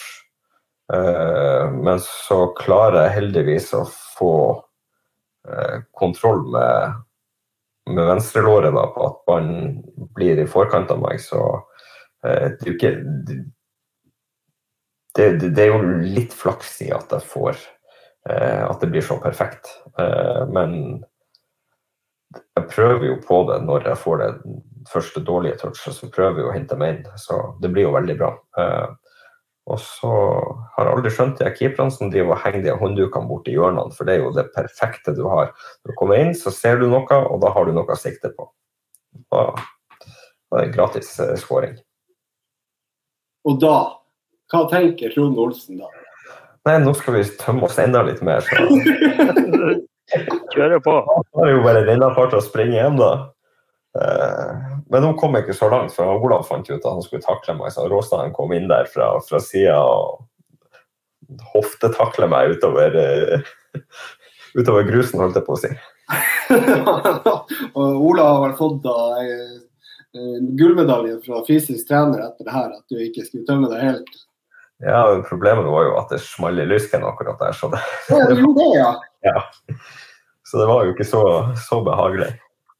Ja men, hva, så du, men jeg ser jo at du, du spiller Ja da, det, det, det gikk jo greit, altså. Det, men jeg husker at det smalt litt i lysken der. Ja, men OK, greit. Hva, hva, hva er det liksom du, Vi leder 2-0. Vi, vi har 1-0 å gå på. Er det noe som sniker seg inn der at dæven stikke, det her er deilig? Allerede da? Eller blir, er man fortsatt nervøs? Nei, jeg følte at vi hadde såpass bra kontroll. Eh, og så eh, Jeg vet da farsken eh, vi, Gikk vi opp til gikk dem, Reduserte dem til 2-1? Ja. Ja. ja. De reduserte til 2-1, ja. Og så kontrer vi inn 3-1. Ja, altså, Trond-Viggo på å si Torgersen, eh, det var ikke han Flode. Det var, det var Trond-Viggo Thoresen. Reduserer da i 42. minutter rett før pause til 2-1. Ja. Og Da er det litt sånn nervøsitet igjen. ja. Ja, men, men ja, vi slipper jo egentlig inn på et uh, veldig ugunstig tidspunkt. Men samtidig så er det jo uh, så er jo ikke det altså Vi leder jo 3-1, uh, og vi, vi går jo inn til pause og eh, vet at vi har 3-1 å, å gå på. Og det er vel egentlig det som blir sagt i pausen òg, at vi, eh, vi har bra kontroll om det her. og eh, Vær fornuftig og vær smart utover andre omgangen, og så vil du få mulighetene til å skåre flere. Ja, altså det, det er rett og slett nå å legge seg litt bakpå i pausen. Det er det som kommer fra, fra Kenta. Og, Ja, men ikke bli for defensivt, for eh, skal vi ligge og ta imot da i, eh, i 40 minutter, så, eh, 45 minutter, så, så blir det tøft. Eh, Ja. Og så er vi jo klart, vi får jo ei, eh, ei meget god kontring som vi får inn 3-1 på. Og da, da føler jeg jo at vi har veldig god kontroll på det som ja, absolutt. ikke sant? Men, jeg vet ikke om du husker det her, men i 49 minutter så det, får du et gult kort. Hva du gjør da? Driver du og sakser, eller hva du, hva du styrer med? Husker du det? Nei, la meg litt tidlig. La meg litt lett. La deg lett. Var, var, det, var det en straffesituasjon? Kanskje du Ja, jeg lurer på kanskje det var det at eh, jeg datt litt lett. stemmer det? Ja, jeg, ja, skulle ikke ha straffe. det var sikkert ikke straffe. Men eh, jeg, jeg datt sikkert på, på, på mitt verste, dårligste vis. Men har du noen gang lyktes med filming, da, hvis du tar det noensinne? Nei, jeg har vel ikke det. Eh, Så det er én ting du kunne bli bedre på, det er filming. Ja, men eh, altså, i, i dag så går det jo heldigvis ikke an å filme, nesten. Eller- Ja, Ja, I Norge, i, i, i Norge kan det. ja, men uh, vi må bare få inn der var òg i Norge. For det, Jeg hører alle spillere si det. der. det Ja, men skal, skal du altså, Da er vi tilbake igjen med Skal du levere i Europa så, og har, har VAR der, så må du ha det inn i Norge òg. Man må bare lære seg å forholde seg til det. Ja, det er jo et argument som, er, som igjen, går igjen i, i forhold til dem som spiller fotball. Og så er det dem som ser på fotball, som, som da blir snytt for den uh, feiringa, eller eventuelt ikke tør å feire osv. Så, videre. så det er, jo, eh, det er jo litt sjarmen med fotball som kanskje forsvinner. Men det her kan vi ta en annen gang, Trond. Så har vi Ja. Vi, vi, vi kan gå inn på VAR i en annen episode. Du nevnte 3-1. Ja. Har du noe med den å gjøre? Husker du det? Uh, ja, vi får et brudd. Uh, Roy Miller uh, tar med seg ballen fremover og, og jeg starter på et løp. Han slår en perfekt ball inn i bakrom og jeg kommer med fri. Eh, jeg ser han Tiago som kommer på løp på bakerste, så jeg prøver å eh, ja, chippe, henge den på bakerste til han. og eh, han treffer han jo greit. Eh, Problemet er jo at han skal, han skal jo prøve å blåse den ballen gjennom og mål og ut på flystripa. Heldigvis sleiver han så perfekt at han Runar kommer bare skliende og setter inn 3-1. Kong Runar setter den forbi eh, Rune Jarstein. Og da var, da var jeg rimelig sikker på at det, det her går. Ja, og da tror jeg egentlig at det var litt sånn at, at det var avgjort. Det kom jo en redusering der eh, på selvmål, faktisk, fra Tiago på, Ja. eh, på slutten. Ja, men, men, men når vi leda 3-1 der, så, så var jeg rimelig sikker på at det her går. Eh, Ja. Og så ble jo bytta ut. Og da Mm. først, altså, det var jævlig. Da, da, da husker jeg at jeg satt og var veldig nervøs. Men så lenge jeg var vant, så hadde jeg ikke noe sånt. Men med en gang du ikke føler at du kan påvirke og være involvert i det, så, så kom det nervøse. Ja, for du blir faktisk bytta ut med midtstopper. Så Iversen eh, blir satt inn for deg. Og da er det da er det, det, det er rett etter eh, 3-2-reduseringa til Ja, Så de var litt nervøse på benken der. At, ja eh, jeg ba vel òg om å bli bytta ut. Jeg, jeg var ganske kjørt. ja det, og, og det er pga. feiring. Ja, det er jo på det er de ekstra sprintene der. Fantastisk. Men eh, du hadde jo en kar i målet der, heter Rune Jarstein. eh, Jeg har jo forstått det at, eh, at det har vært litt greier med han i løpet av året. Eh, Hva, hva er det mellom deg og Rune Jarstein som gjør at det her blir litt spesielt? Jeg, altså, jeg og Rune vi er, jo, vi er jo gode kompiser. Jeg snakker støtter stadig med han. og Vi har nå masse landskamper i dag, og vi har hatt uh, juniorcupkamper mot hverandre. Vi har hatt uh, Ja, kvalikkamper. det er juniorcupkampen. Hva som skjer der? Nei, det Er ikke det første sånn litt sånn clinch? Ja, det er vel egentlig det. Eh, Du kan jo kalle det en clinch. Eh, Vi er på eh, Ja, jeg er på vei gjennom, og jeg runder han egentlig, og han, og, han feller meg. Så vi får straffe, og han får gult kort. Um, og det var jo ikke han fornøyd med, så han kjefta jo og smelt litt til der. Uh, men det gikk liksom greit. Jeg har vært bak mål og henta en ball og liksom legger han Eller skal gi den til han som skal ta straffa. Eh, men så kommer det en ball plutselig kastende inn på banen, og det spretter. Og, og Rune han ser den ballen, han tar rennetak og sparker den langt opp på tribunen. Og jeg står med en ball i hendene og tenkte bare faen, å kaste ballen vekk opp en 'dommer'! Nummer to. Og da var jo han ute. Har han fått med seg at du hadde en ball? Det vet jeg ikke. Eh, Jeg vet ikke om verken han eller dommeren fikk med seg at, de, at jeg sto med en ball i handa. Men jeg bare kasta den vekk i det jeg ser ballen fær. Jeg må jo si at det her er jo en perfekt utført eh, handling. Her. her. Det er, det her er, altså, at hvis ikke du er god i filming, så er du jo god på det her. Da. Det her er jo eh, Nei, det, det er kult. Har det vært noen flere greier mellom deg og Rune da, i etterkant? Ja, så hadde vi jo ikke sant den kvalikkampen der jeg puttet to på han, Ja. og han rykker ned med Odd. Eh, og så går han til Rosenborg, da. ja. Ja. Så har vi siste serierunde på Lerkendal da, året etterpå. Så siste kamp i 2007 og siste kamp i 2008 får jo Rune da slippe inn. Jeg får skåret fem mål på han på de to siste serierundene. Ja, og den, og den er kanskje den er på på tre, var det tre på Lerkendal, den er vel kanskje ikke Det er ikke det beste frisparket du har tatt noensinne. Ja, det er kanonplassert. Det er jo, det er jo utenbart. Har, har du stått i mål noen gang? Det du Ja, det Ja, strekken er jo eh, en halv meter foran deg. Jeg har, jeg har redda straffe mot uh, Vardø på, på Vardø stadion. Men keeperen vår ble utvist, så, så redda den. Det, det var kanskje det største jeg opplevde på en fotballbane. Så, altså, blir dere lagkamerater du, han, etter, etter, etter sesongen.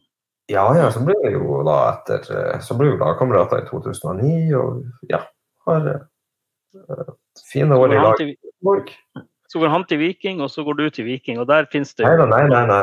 Nå, må, nå har du tenkt litt her. For uh, han går til Viking, da. Eh, og det er vel etter 2009-sesongen, tror jeg han går til Viking. Altså før 2010. Eh, sommeren 2010, eh, Erik Hamren sin siste kamp for Rosenborg før han skal ta over Sverige.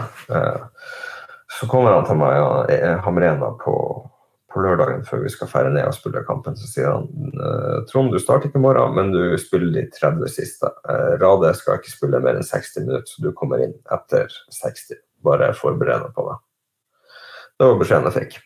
Eh, og som, som gjort, som sagt, så ble det noe sånn. og så er vi jo på, på overtid, og så, så er jeg på tur igjennom, og så får jeg en, en dytt eller blir holdt litt igjen av han Børre Stensli. Jeg mener jo jeg skal ha frispark, eh, så jeg, kjefter jo litt på dommeren og, og det. Viking har ballen, og ja, jeg er egentlig på vei i angrep. eh, og jeg står liksom med hendene og gestikulerer litt der, og plutselig så kommer han Rune bare springende ut av målet, og så gir han meg en dytt, og jeg detter jo selvfølgelig som en potetsekk eh, og ligger langflat der. eh. Og så ser jeg litt bakover i banen der, og plutselig så hører jeg bare dommeren. Han blåser i fløyta, og det blir liksom stille på stadion. og altså, Hva hva heter han som er i adressa? Petter Ras nei, Rasmus et eller annet. Han har et sånn fantastisk bra klipp på, på, på radioen eller et eller annet. Han skjønner ikke helt hva som skjer. Så det er bare å søke det opp på YouTube der. Men plutselig så kommer dommeren og springer, og så peker han på straffemerket. Så, eh, så vi gikk jo 2-1 tre minutter på overtid på et sånt hodemiss uten like.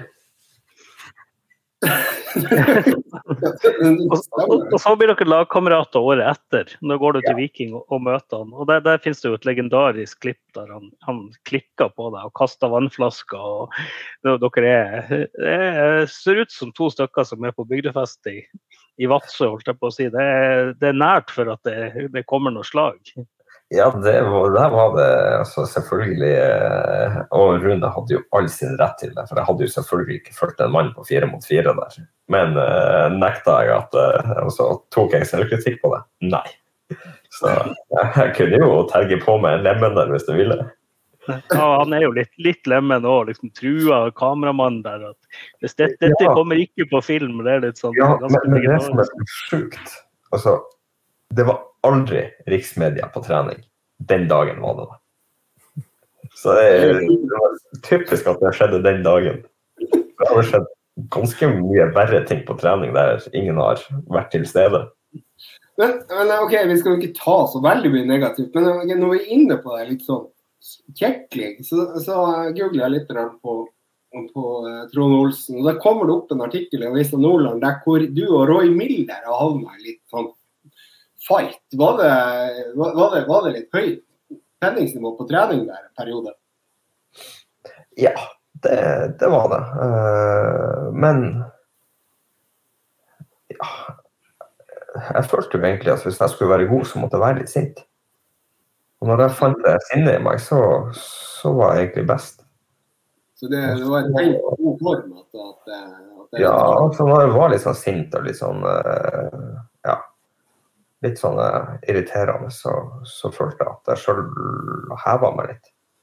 Ja, så var, var det sånn her rett og slett opp, på hverandre? Hva som skjedde i den situasjonen? Nei da, men, men, men av og til så, så sto jo trenerne og, og provoserte for å få, få frem det her. Å, Så ja. det, ja, ja, de kunne velge å, dømme litt frispark imot folk, og sånn, ikke gi frispark når det skulle være frispark for å få opp det tenningsnivået. og det. Så eh, det, altså, det som skjedde på feltet, det var ikke noe farlig sånn sett. Det, man var litt sint og uh, forbanna på hverandre der og da, men når man kom inn i garderoben, så var det stort sett eh, Det var, greit. det, det var greit. Ikke? sant? Ja. Det var ikke noe sånn lang fade det der. Nei, det var sjelden det var noe at, det- at det gikk over flere dager. Har, har du sett eh, The Last Dance med Michael Jordan på eh, Netflix? Ja, det har jeg sett. Ja, du, du er litt sånn som han, da. At, altså, han, han innrømmer jo der at det var situasjoner der han egentlig fant på at motspillerne har kommet med en stygg kommentar eller noe sånt for å få opp aggresjonsnivået. Så du, du, du lar deg du, du trenger å trigges litt. Ja, jeg følte altså, jeg, skulle ikke, jeg skulle ikke si at det, det var sånn jeg var, men eh, av og til så ja, kunne det Det at jeg ikke fikk dommeravgjørelser med meg, eller ja, det kunne gjøre at jeg ble litt forbanna, og så kunne det være at det faktisk gjorde at det ble litt bedre. Absolutt. Men du, eh, jeg har bare et sånt spørsmål. Har du noen andre favorittlag enn Glimt Og Værøy. Og Værøy? Ja, men jeg har ikke så lyst til å snakke om det for tida. Det går ikke så greit. Er det, er det en viss uh, kvartfinale som man ligger under med akkurat i As we speak? Ja, dessverre. Ja. Mm. Ja. Så jeg er Da nok ikke å snakke om det, for det er to, to, to andre som også driter i den kvartfinalen, som egentlig burde ha sett Ja, jeg er nok, jeg er nok på den røde sida av Manchester. Da, da må jeg jo si at da setter vi jo ekstra pris på at du tar deg tida til å, å henge med oss istedenfor å se kvartfinale. Nå Ja, det ser det jo ut som at det er en bra investering.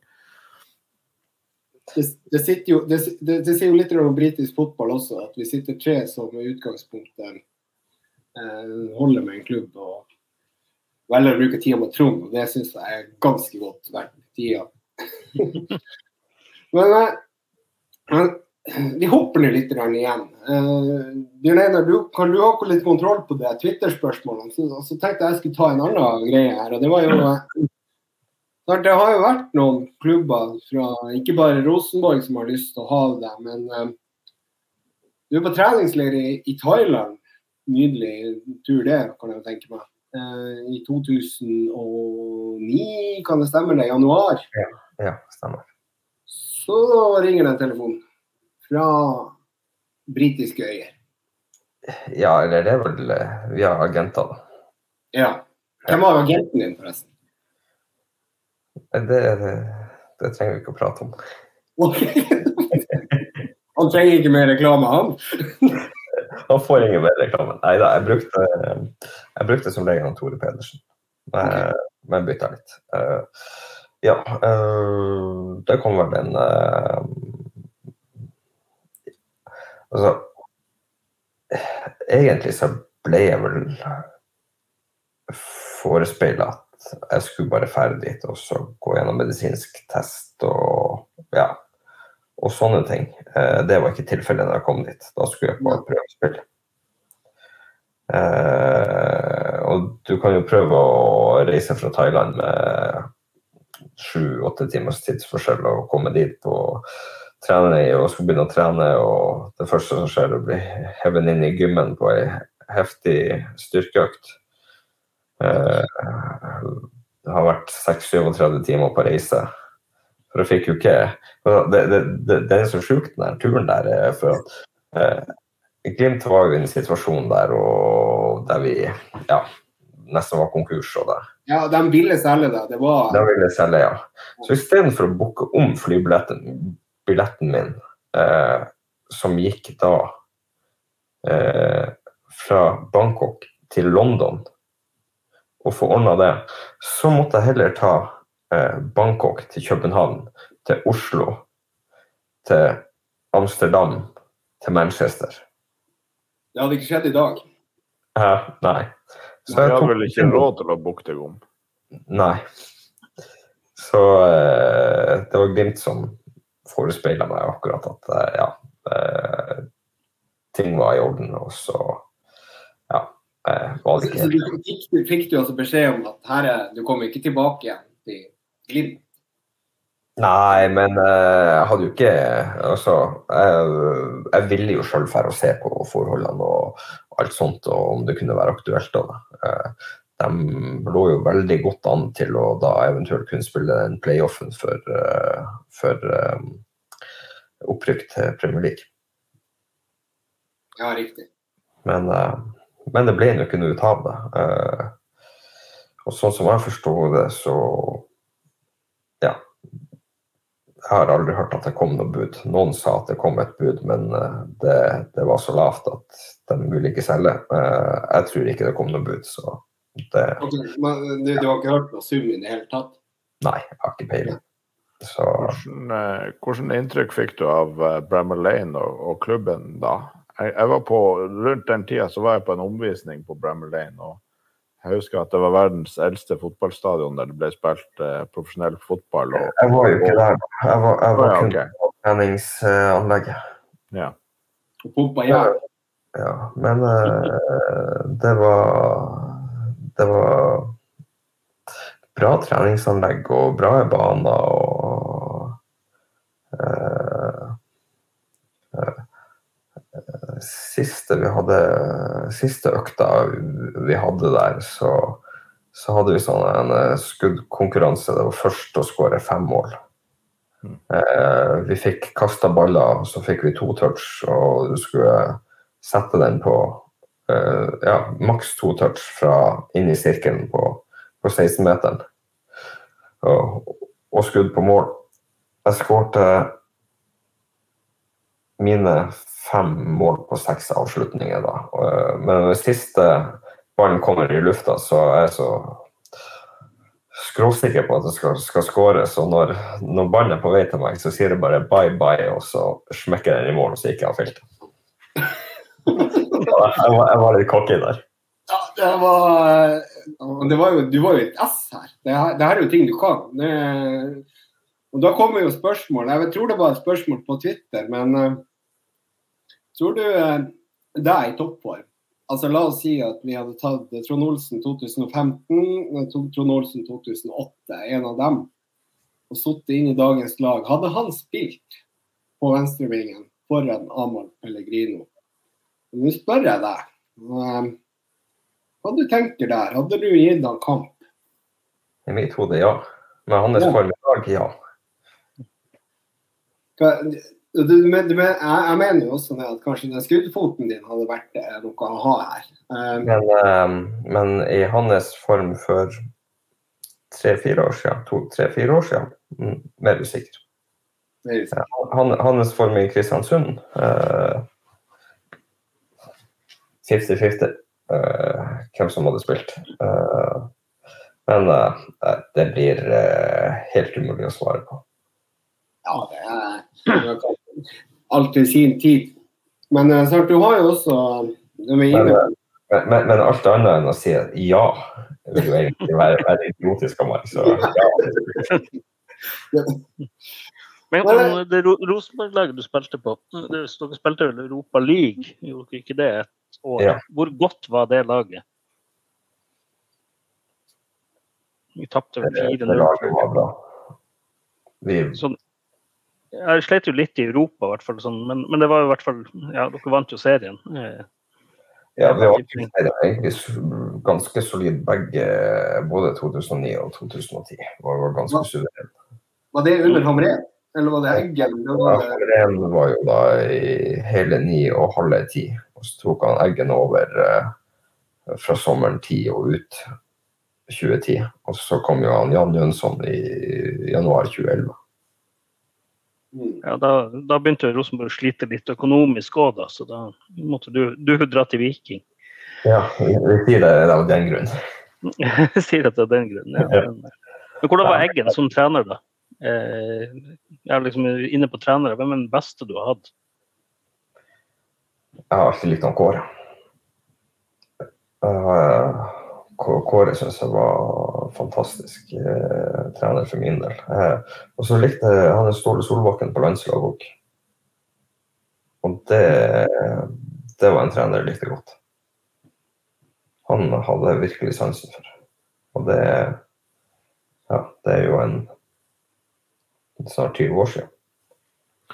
Men vi fikk jo presentert eh, de ekstreme statistikken din på Værøy. Har du offisielt lagt opp på landslaget? Hvilket landslag? Nei, men det er sånn Ståle Ring eh, han, eh, Ola eh, holder ikke mål, han trenger en, en ving til. Da stiller du opp. Ja, jeg, altså jeg kan godt være med og ta Nei, jeg har ikke sjans i dag. Det, jeg, har jo, jeg har jo en overbevisning om at hvis du hadde blitt tatt ut på landslaget i 2015, eh, så hadde du jo avgjort den kampen mot Italia. Eh, Så, eh, men det ble du ikke. Og han Peie, Mathias, har vi han med i studio her, Bjørn Nei, han er ikke. Nei, du, du hadde han ikke under. Nei, Det ikke, ja, det du som Ja, men du har òg, det vet jeg. Men eh, eh, altså, du, du snakker om landslagsfotball, og da er det jo det at eh, Stemmer det at du har tre VM-gull? jeg har vel egentlig det. I, I hvert fall tre. Det er mulig jeg har et fjerde òg, men jeg er litt usikker. Det, Ja, det, det, det er innenfor fotball. Det er ikke så veldig mange nord nordmenn som er trippel verdensmester i fotball. og, og, og, for, og for forskjellige kategorier innenfor fotball. også. Ja. Det, det, er jo, det er jo da, altså, du, du og solkongen Jonas Kolstad i Thailand, kan du ta en liten, liten greie der på, på den? eh, Jonas liker jo å sole seg og sånne ting, men eh, det kan du det. Ja, ja, men eh, ja Um, Vi brukte jo å dit etter, etter en sesong, for da var jo ikke sesongen så lang.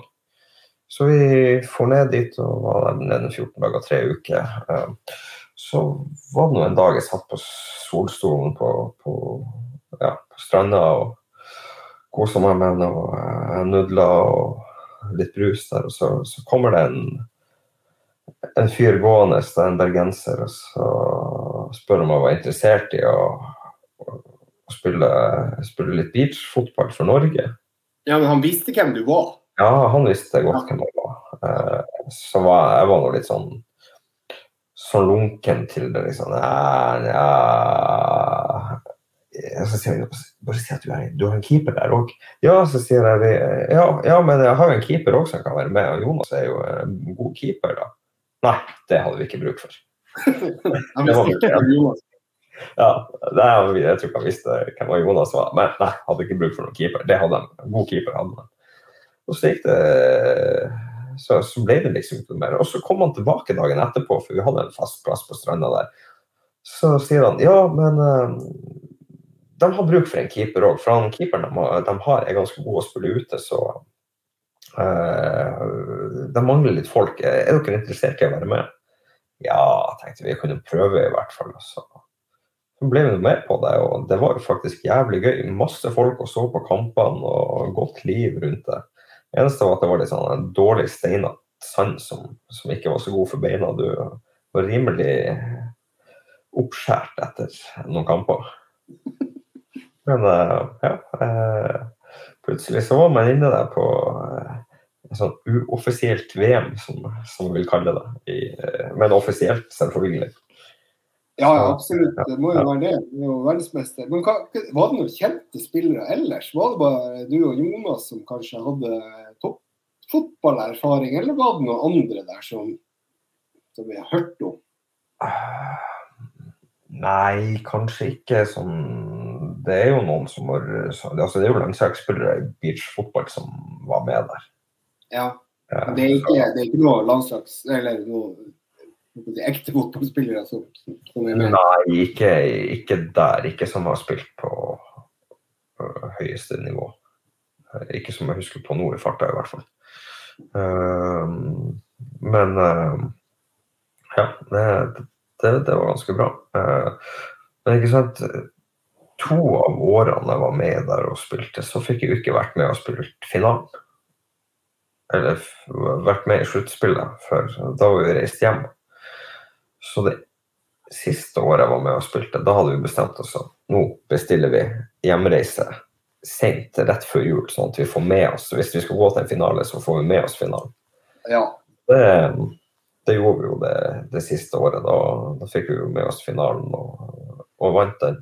Da møtte vi jo eh, Nederland hadde et ganske bra lag, og de hadde et par steinsolide landslagsspillere. Eh, og de var ganske sånn tung og eh, vanskelig å få has på. Van Dijk? Hæ? Van Dijk? Ja, litt sånn Bare kanskje litt mer biff. Eh, eh, og, og dem, dem, ble vi revkjørt av i gruppespillet.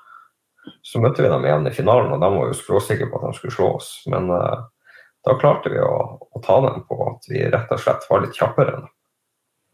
Vi fikk uh, klart å få litt fart på ballen. Ja, for det, det, er akkurat det jeg tenkte på. Hva er dine styrker som strandfotballspiller? For å si det sånn, jeg hadde ikke så mange styrker der. Ikke hadde teknikk, og ikke, hadde, og, og ikke var det lett. Og, og ja, det, det, er en helt annen idrett. Så det blir ikke noe comeback i Thailand på uh... Ja, det skal du ikke se bort ifra.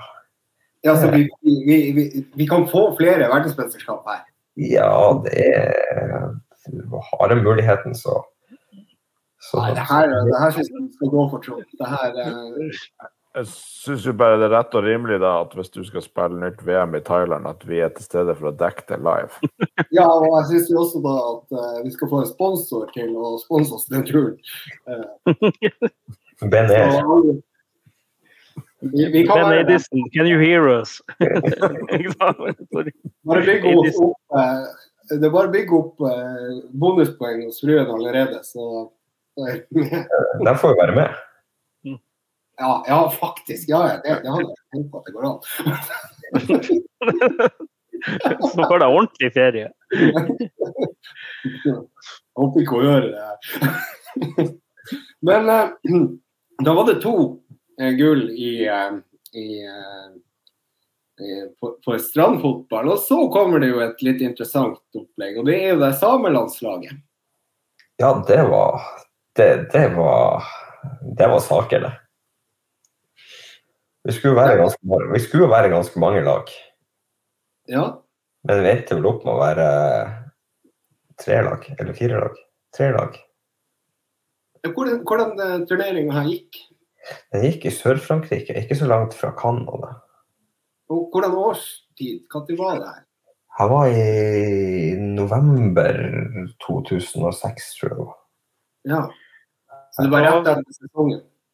Ja, det var etter sesongen, og det var jo Ja, det var kjempestas. Det, var, det ble jo skikkelig seriøst, det der. Det, sitter på matchmat der og skal spise mat før kampen, og kelnerne og servitørene og det kom og skjenka rødvin i glassene til oss. Og så det var det var et glass rødvin, og så var det kamp. Ja, det, det, det høres ut som litt sånn supportercup der. Det var jo en god, god supportercup egentlig til slutt, men eh, altså, man tar jo et VM-gull hvis man får det. Ja, ja, absolutt. Ja. Men hvem som var på det samme landslaget? Ja, det var det jeg, da. Og så. Jonas Johansen, eh, Olav Råstad, Tom Høgli, eh, Magnus Andersen. Eh, ja eh, Erik Lamøy. Eh, ja, hvem som var der nå?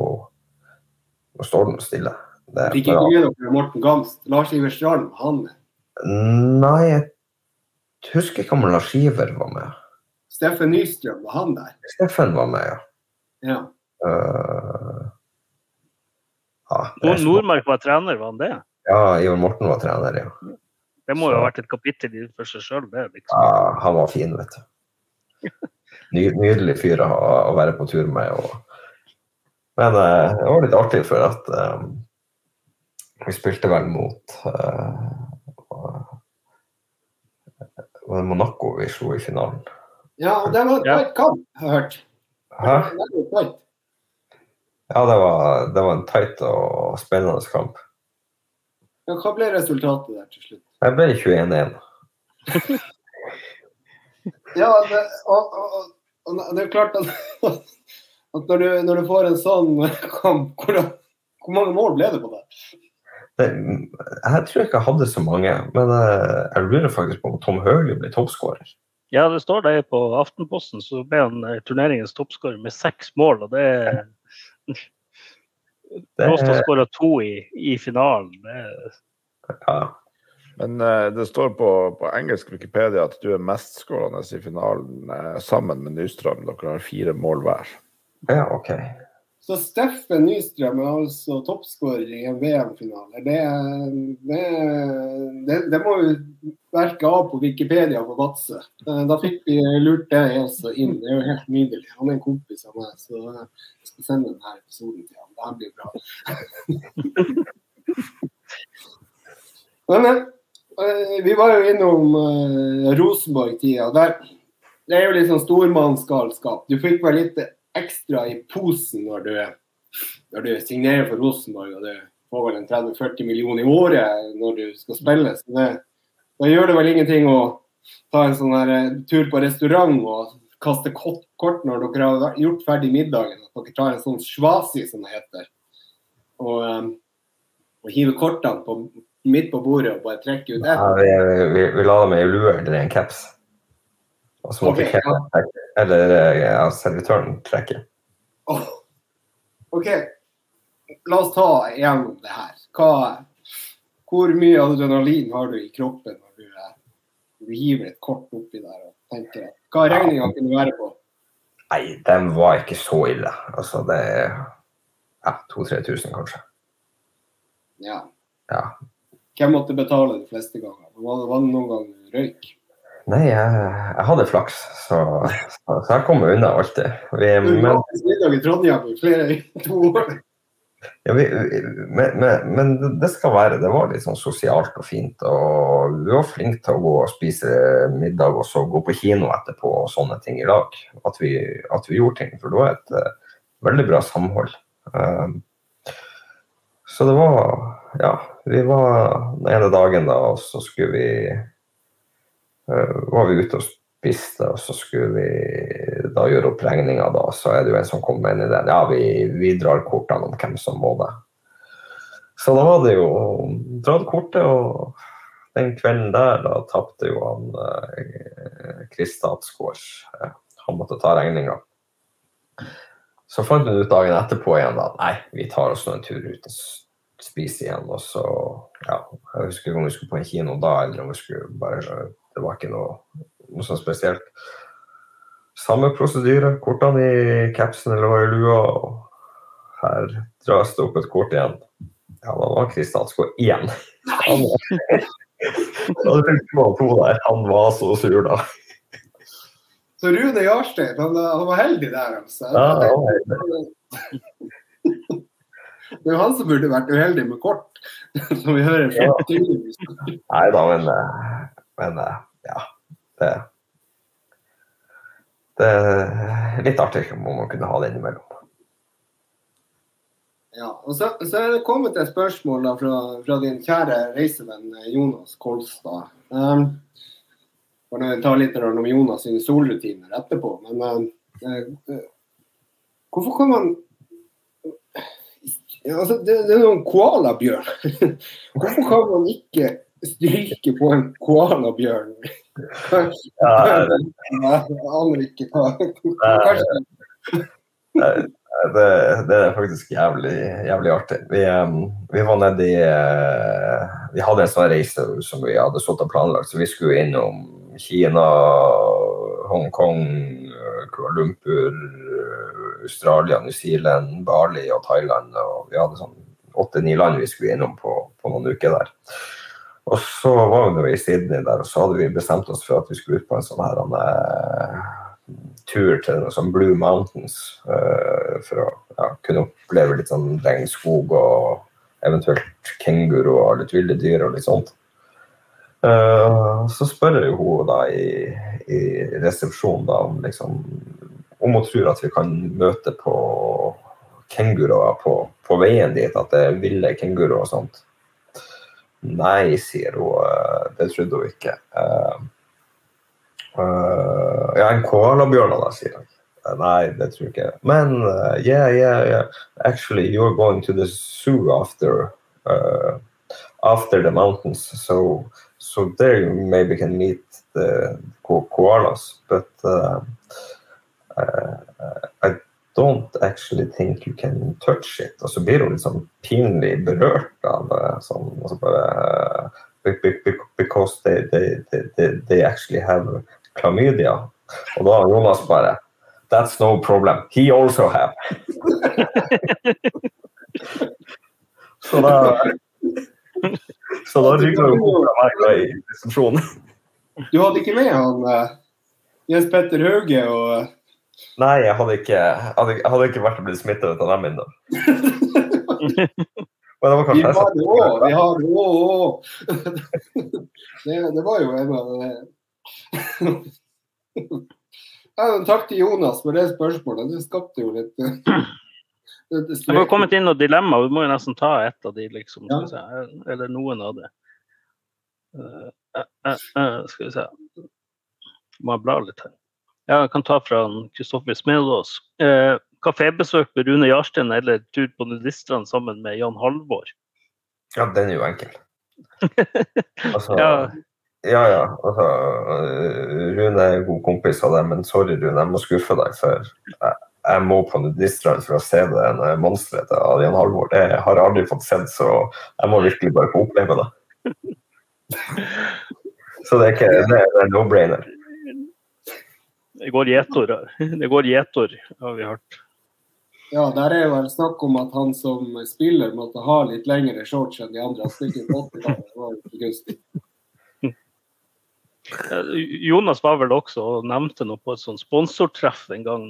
Jan Halvor ble passe rød der han, foran alle sammen. Bare ja, Jan Halvor, hvordan er det? å folk prøver å slå tunnel på deg. Skal vi se. Uh, så Ja, jeg tror man må ta det som kompliment. Jeg tror det, det er. Jeg tror, jeg, jeg tror det bare er myte. Det er bare Jeg, myte. jeg har ikke sett det. Skal vi si alle sammen nå at det bare er myte? At, at den lange shortsen der er bare PR-stunt? Ja, er vi enige?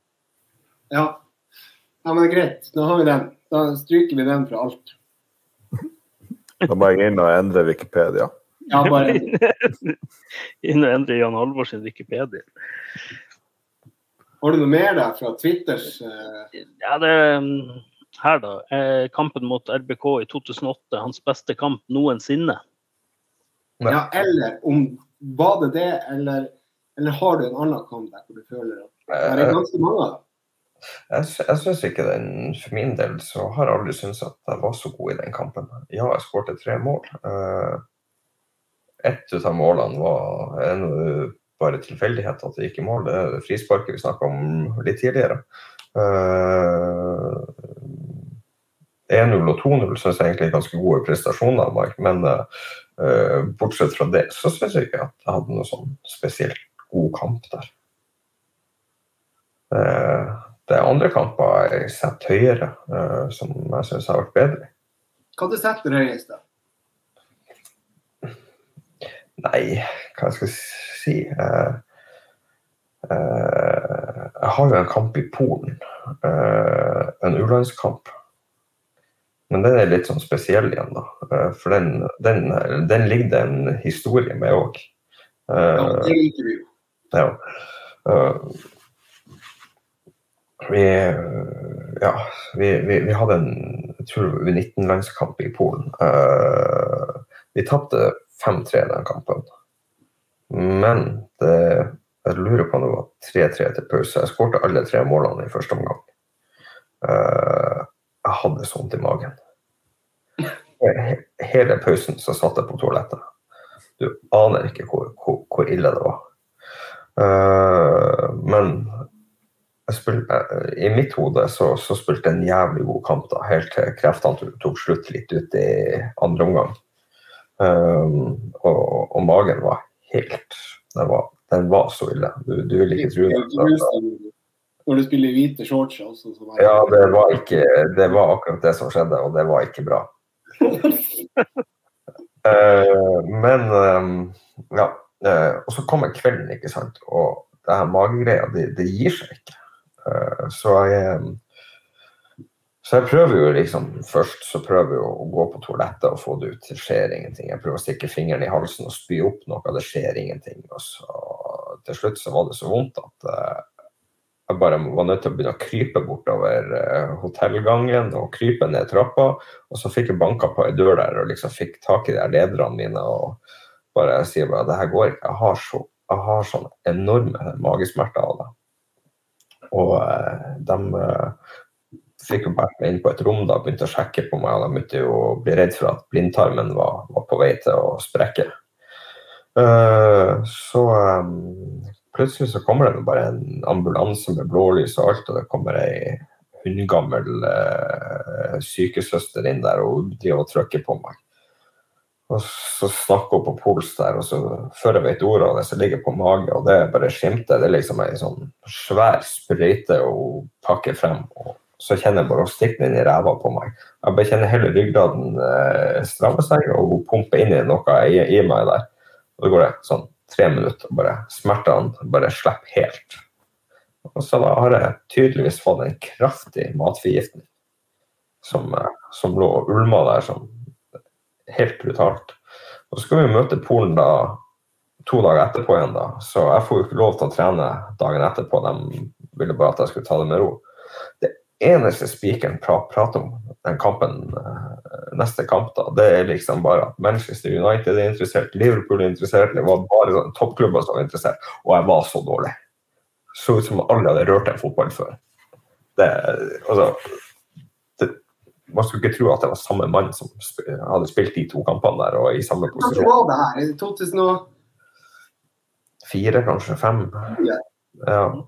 ja 2000 og 2019 blir det her. Hvor gammel er du? 84? 80, ja, 2005? 2000, Pål, Polen, det var i, i uh, 2002, faktisk. 2002, ja. Så lenge siden. Ja. Altså, da er du bare 18 år. Ja. Du kunne da, med andre ord, 2002, da kunne du spilt med Ronaldo der. eh, Kommet inn i eh, Ja, nei, det er jo før det òg, ikke det? Du kommet inn sammen, da. ja, men eh, jeg tror det var ganske langt unna. Men uh, det var artig å bli linka til masse. Men uh, det, det, kom, det, kom, vel noen henvendelser da fra noen klubber etter, etter, det der, men uten at det var noe. Det ble ikke noe mer? Nei. Uh, det var også kommet Jeg lurer på noe etter 2002 eller 2003-sesongen, så skulle jeg vel egentlig å trene med Bayern München. Eh, men da eh, hadde de signert to unggutter i løpet av høsten, så det ble det ikke noe. Men det, det her har jeg blitt fortalt om i etterkant. Det var noe jeg ikke visste om. Ok, ja. Det var agenten som fikk det? Uh, nei, jeg lurer på faktisk om Glimt var, hadde vært i dialog med at de hadde gitt lov til det og sagt at det var greit, men så ble det visst ikke noe om det. Ja. Ja, altså 2003, da har du en god sesong for Glimt. Jeg vet ikke hvor mye innhopp du fikk da? Ja, det ble jo en del, men det som er, det, det som er ekstremt bittert der, det er jo at jeg hadde jo spilt meg inn til fast plass på laget, og så hadde jo en treningskamp mot Alta som uh, skulle slå et innlegg, og så er det en som ja, stempler eller setter knottene opp på ballen. Så idet jeg skal slå innlegget, så, så blir det som å sparke i en vegg, så ryker jo leddbåndet og er jo ute i sju uker da. Og da er jo serie er jo langt ut i mai da, før, uh, før jeg er tilbake. Uh, og da, da, har vi jo en rimelig grei sesong med Glimt òg, som gjør at det er ekstra vanskelig å komme seg inn på laget. Det var et gammelt lag, da. Det var jo det. Hvem var det som spilte ving da? Kristen Berg spilte vel ganske mye på venstrevingen, da. Ok, Kristen Berg. Ja. Så jeg tror faktisk jeg var tilbake til den her eh, Levanger-kamp Nei, Verdal-kampen i 2003. Den i førsterundekampen vi holdt på å ryke ut mot Levanger. Ja, og der, der hvor Ville Lehteren Jeg skåret hat trick, ja. oi, oi, oi. For en legendarisk Hvordan var det her? Ville Lehteren. Hva tenkte du der? Nei, hva, hva, man skal si. Det han, var, han var en egen art. Eh, altså, jeg glemmer jo aldri historien om han eh, Vi spilte vi spilte borte mot Vålerenga det året. Ja, var det kanskje 2003 da? Så, ja, det må jo ha vært det. Ja, så skåret han. Ja. Ja, og så, og så hadde du det her eh, Hva heter det? betalingstjenesten på TV der du kunne sende inn sånne spørsmål og så, så det sånn fotballgreier. Husker, jeg vet ikke om du husker det der. Så kunne du se sånne klipp av det. Um, men uh, uansett så, så, kom det inn et sånt spørsmål. Uh, uh, tror du et eller annet lavere divisjonslag i Rogaland kunne slå Viking ut av cupen. Uh, og da svarer Jan Håvard Lilleheie, som er program, programleder, uh, liksom bare Hvis denne mannen kan skåre i Eliteserien, så er allting mulig. Så holder han opp et bilde av Ville Letinen som bare, bare Se hvor feit han er. Her Ville med, ikke sant? Så han spiste jo suppe i to uker. Så han var jo grå i trynet da han kom på trening. Ja, men eh, så han fitt ut etter hvert, da? Nei, jeg vil nok ikke si at han ble fitt nok. Men uh, artig type å ha vært borti. Nei, gutta, dere, dere må overta. Jeg, jeg, bare, jeg, bare helt, jeg er helt tom etter Ville Leite. Nå må dere Okay, hvem, hvem, jeg har et sånt spørsmål egen. Hvem er, har, nå har jeg sittet og sett litt på den landslagskarrieren, og den er interessant, men hvem er den beste spilleren du har spilt mot? Mot? Mm. Ja hvem er, hvem er, best av eh, Ronaldo og Kaka og Benzema? Ja, nei, Det er jo ganske interessant å se. Liksom. Eh, jeg holder jo en knapp på beste forsvarsspiller. Det var nok i 2003 når du møtte, møtte Italia. Der spilte jo Cielini. Ja. U21? Eh, ja. Nei. Nei, 2003 var vel U... Var ja, men han, han, var ikke, han, var ikke, også, han, var ikke, så kjent, da. Nei, han var ikke så kjent, men dere hadde Spania, der spilte Iniesta spilte jo på det ja, laget. Spania, U19-EM i 2002. Der spilte både Iniesta, Torres, uh, Reyes uh, mm. Ja, Iniesta var insane god. Men jeg vil, jeg vil jo si da at uh, sånn all over så er nok Ronaldo den beste spilleren jeg har spilt mot. Sånn, men Og hadde det ikke vært for uh, matforgiftning i Polen, så hadde du satt han på benken i Manchester United. det er sant. Ja, ikke sant. Og det er sånn tilfeldigheter vil ha det til å gjøre. Men nå har jo da vår eh, kjære leder eh, eh, meldt ifra at vi har holdt på i to timer, og vi har masse igjen.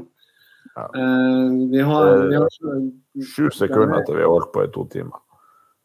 Ja, vi kan jo ta nedtellinga nå og der er timer. Så der, eh, men eh, eh, vi har jo eh, vi har sagt det at Trond, du skal komme tilbake igjen til oss. Og vi skal fortsette litt på, på sporene her. og Vi har, vi har bl.a. 2015-sesongen, som jeg synes var en helt fantastisk sesong av deg, som jeg har sagt. Og, og vi har eh, bl.a. en gummibåt i Nidalgang som vi må innom. og og mye annet snacks. Men det får vi ta i en annen episode. Det, det får vi gjøre. Så skal, skal jeg gå ned i minneboka òg og se om jeg ikke kommer på noen, eh, noen artige eh, greier etter hvert. Ja, men si, NFF, NFF er jo god å, å dokumentere landskamper. Det syns jeg er, liksom, det, er- det er verre med de norske eliteseriekampene. Så en liten sånn shout-out til dem. Liksom. De sitter liksom med detaljerte lagoppstillinger i, i 2003 på G18. Der, det, der har de det, men nå kommer liksom Eliteserien, der må man Det er slitsomt å finne, altså. Ja, og så kan vi jo eh, håpe at eh, avslutte med at vi håper at han eh, Chris Statsgaard har, har betalt gjelda si til restauranten. Jeg tror det bare gikk godt. Jeg ble med. eh, det her er veldig bra. Vi avslutter med litt sånn cliffhanger og teasere om ting som kommer. Så, så det er bare å glede seg til eh, neste Trond eh, gjesteopptreden i, i podkasten. Ja, og så får vi beklage til Elisabeth uh, Breimeyer at, um, at den blir litt for lang, den her. Så eh, beklager, Elisabeth. Kom tilbake. Kanskje det er best. 35 Men, minutter. Men det, blir, eh, det blir spennende kamp på torsdag og Heia Glimt. Ja, men OK, greit. Nå er jeg litt sånn, bare, bare sånn at vi kan avslutte. Nå gjør noe Bjørn Einar. Skal dere tippe resultatet? på torsdag? Jeg tror Glimt vinner 2-0. Espejord kommer til å putte begge. Han har noe å revansjere. Ja. Jeg, jeg tippa 1-0 sist, at Glimt skulle vinne 1-0. Eh, når Trond har tippa det, så, så, eh, så endrer jeg til 2-1. Oi, ekstraomganger? Nei, 2-1 til Glimt. 2-1 til Glimt. tror- Ja, ja, nei, er vi optimist? Da må du si 1-2. Ja, Ja, jeg- OK. 1-2. Nå sa jeg 2-2 sist, så får jeg si 2-2 nå òg. Eller fint med 2-2. Jeg kommer til å være perlefornøyd med det. 2-2 på slutten, du. Det er deilig, det. Og gjerne et sånn her straffespark som blir dumdustert. Det gjør ikke noe. Yes. Nei, men eh, takk, Trond, for at du tok deg eh, ikke bare litt tid, men mye tid med oss. Og, og eh, takk til mine medpedalister, og spesielt takk til alle dere som har holdt ut og hørt på oss såpass lenge. Det blir enda lengre neste gang, så, så det her er good stuff. Takk til eh, Webium, som eh, hjelper oss med produksjon, og takk til Adventure Taylor, som er vår sponsor. Adjø.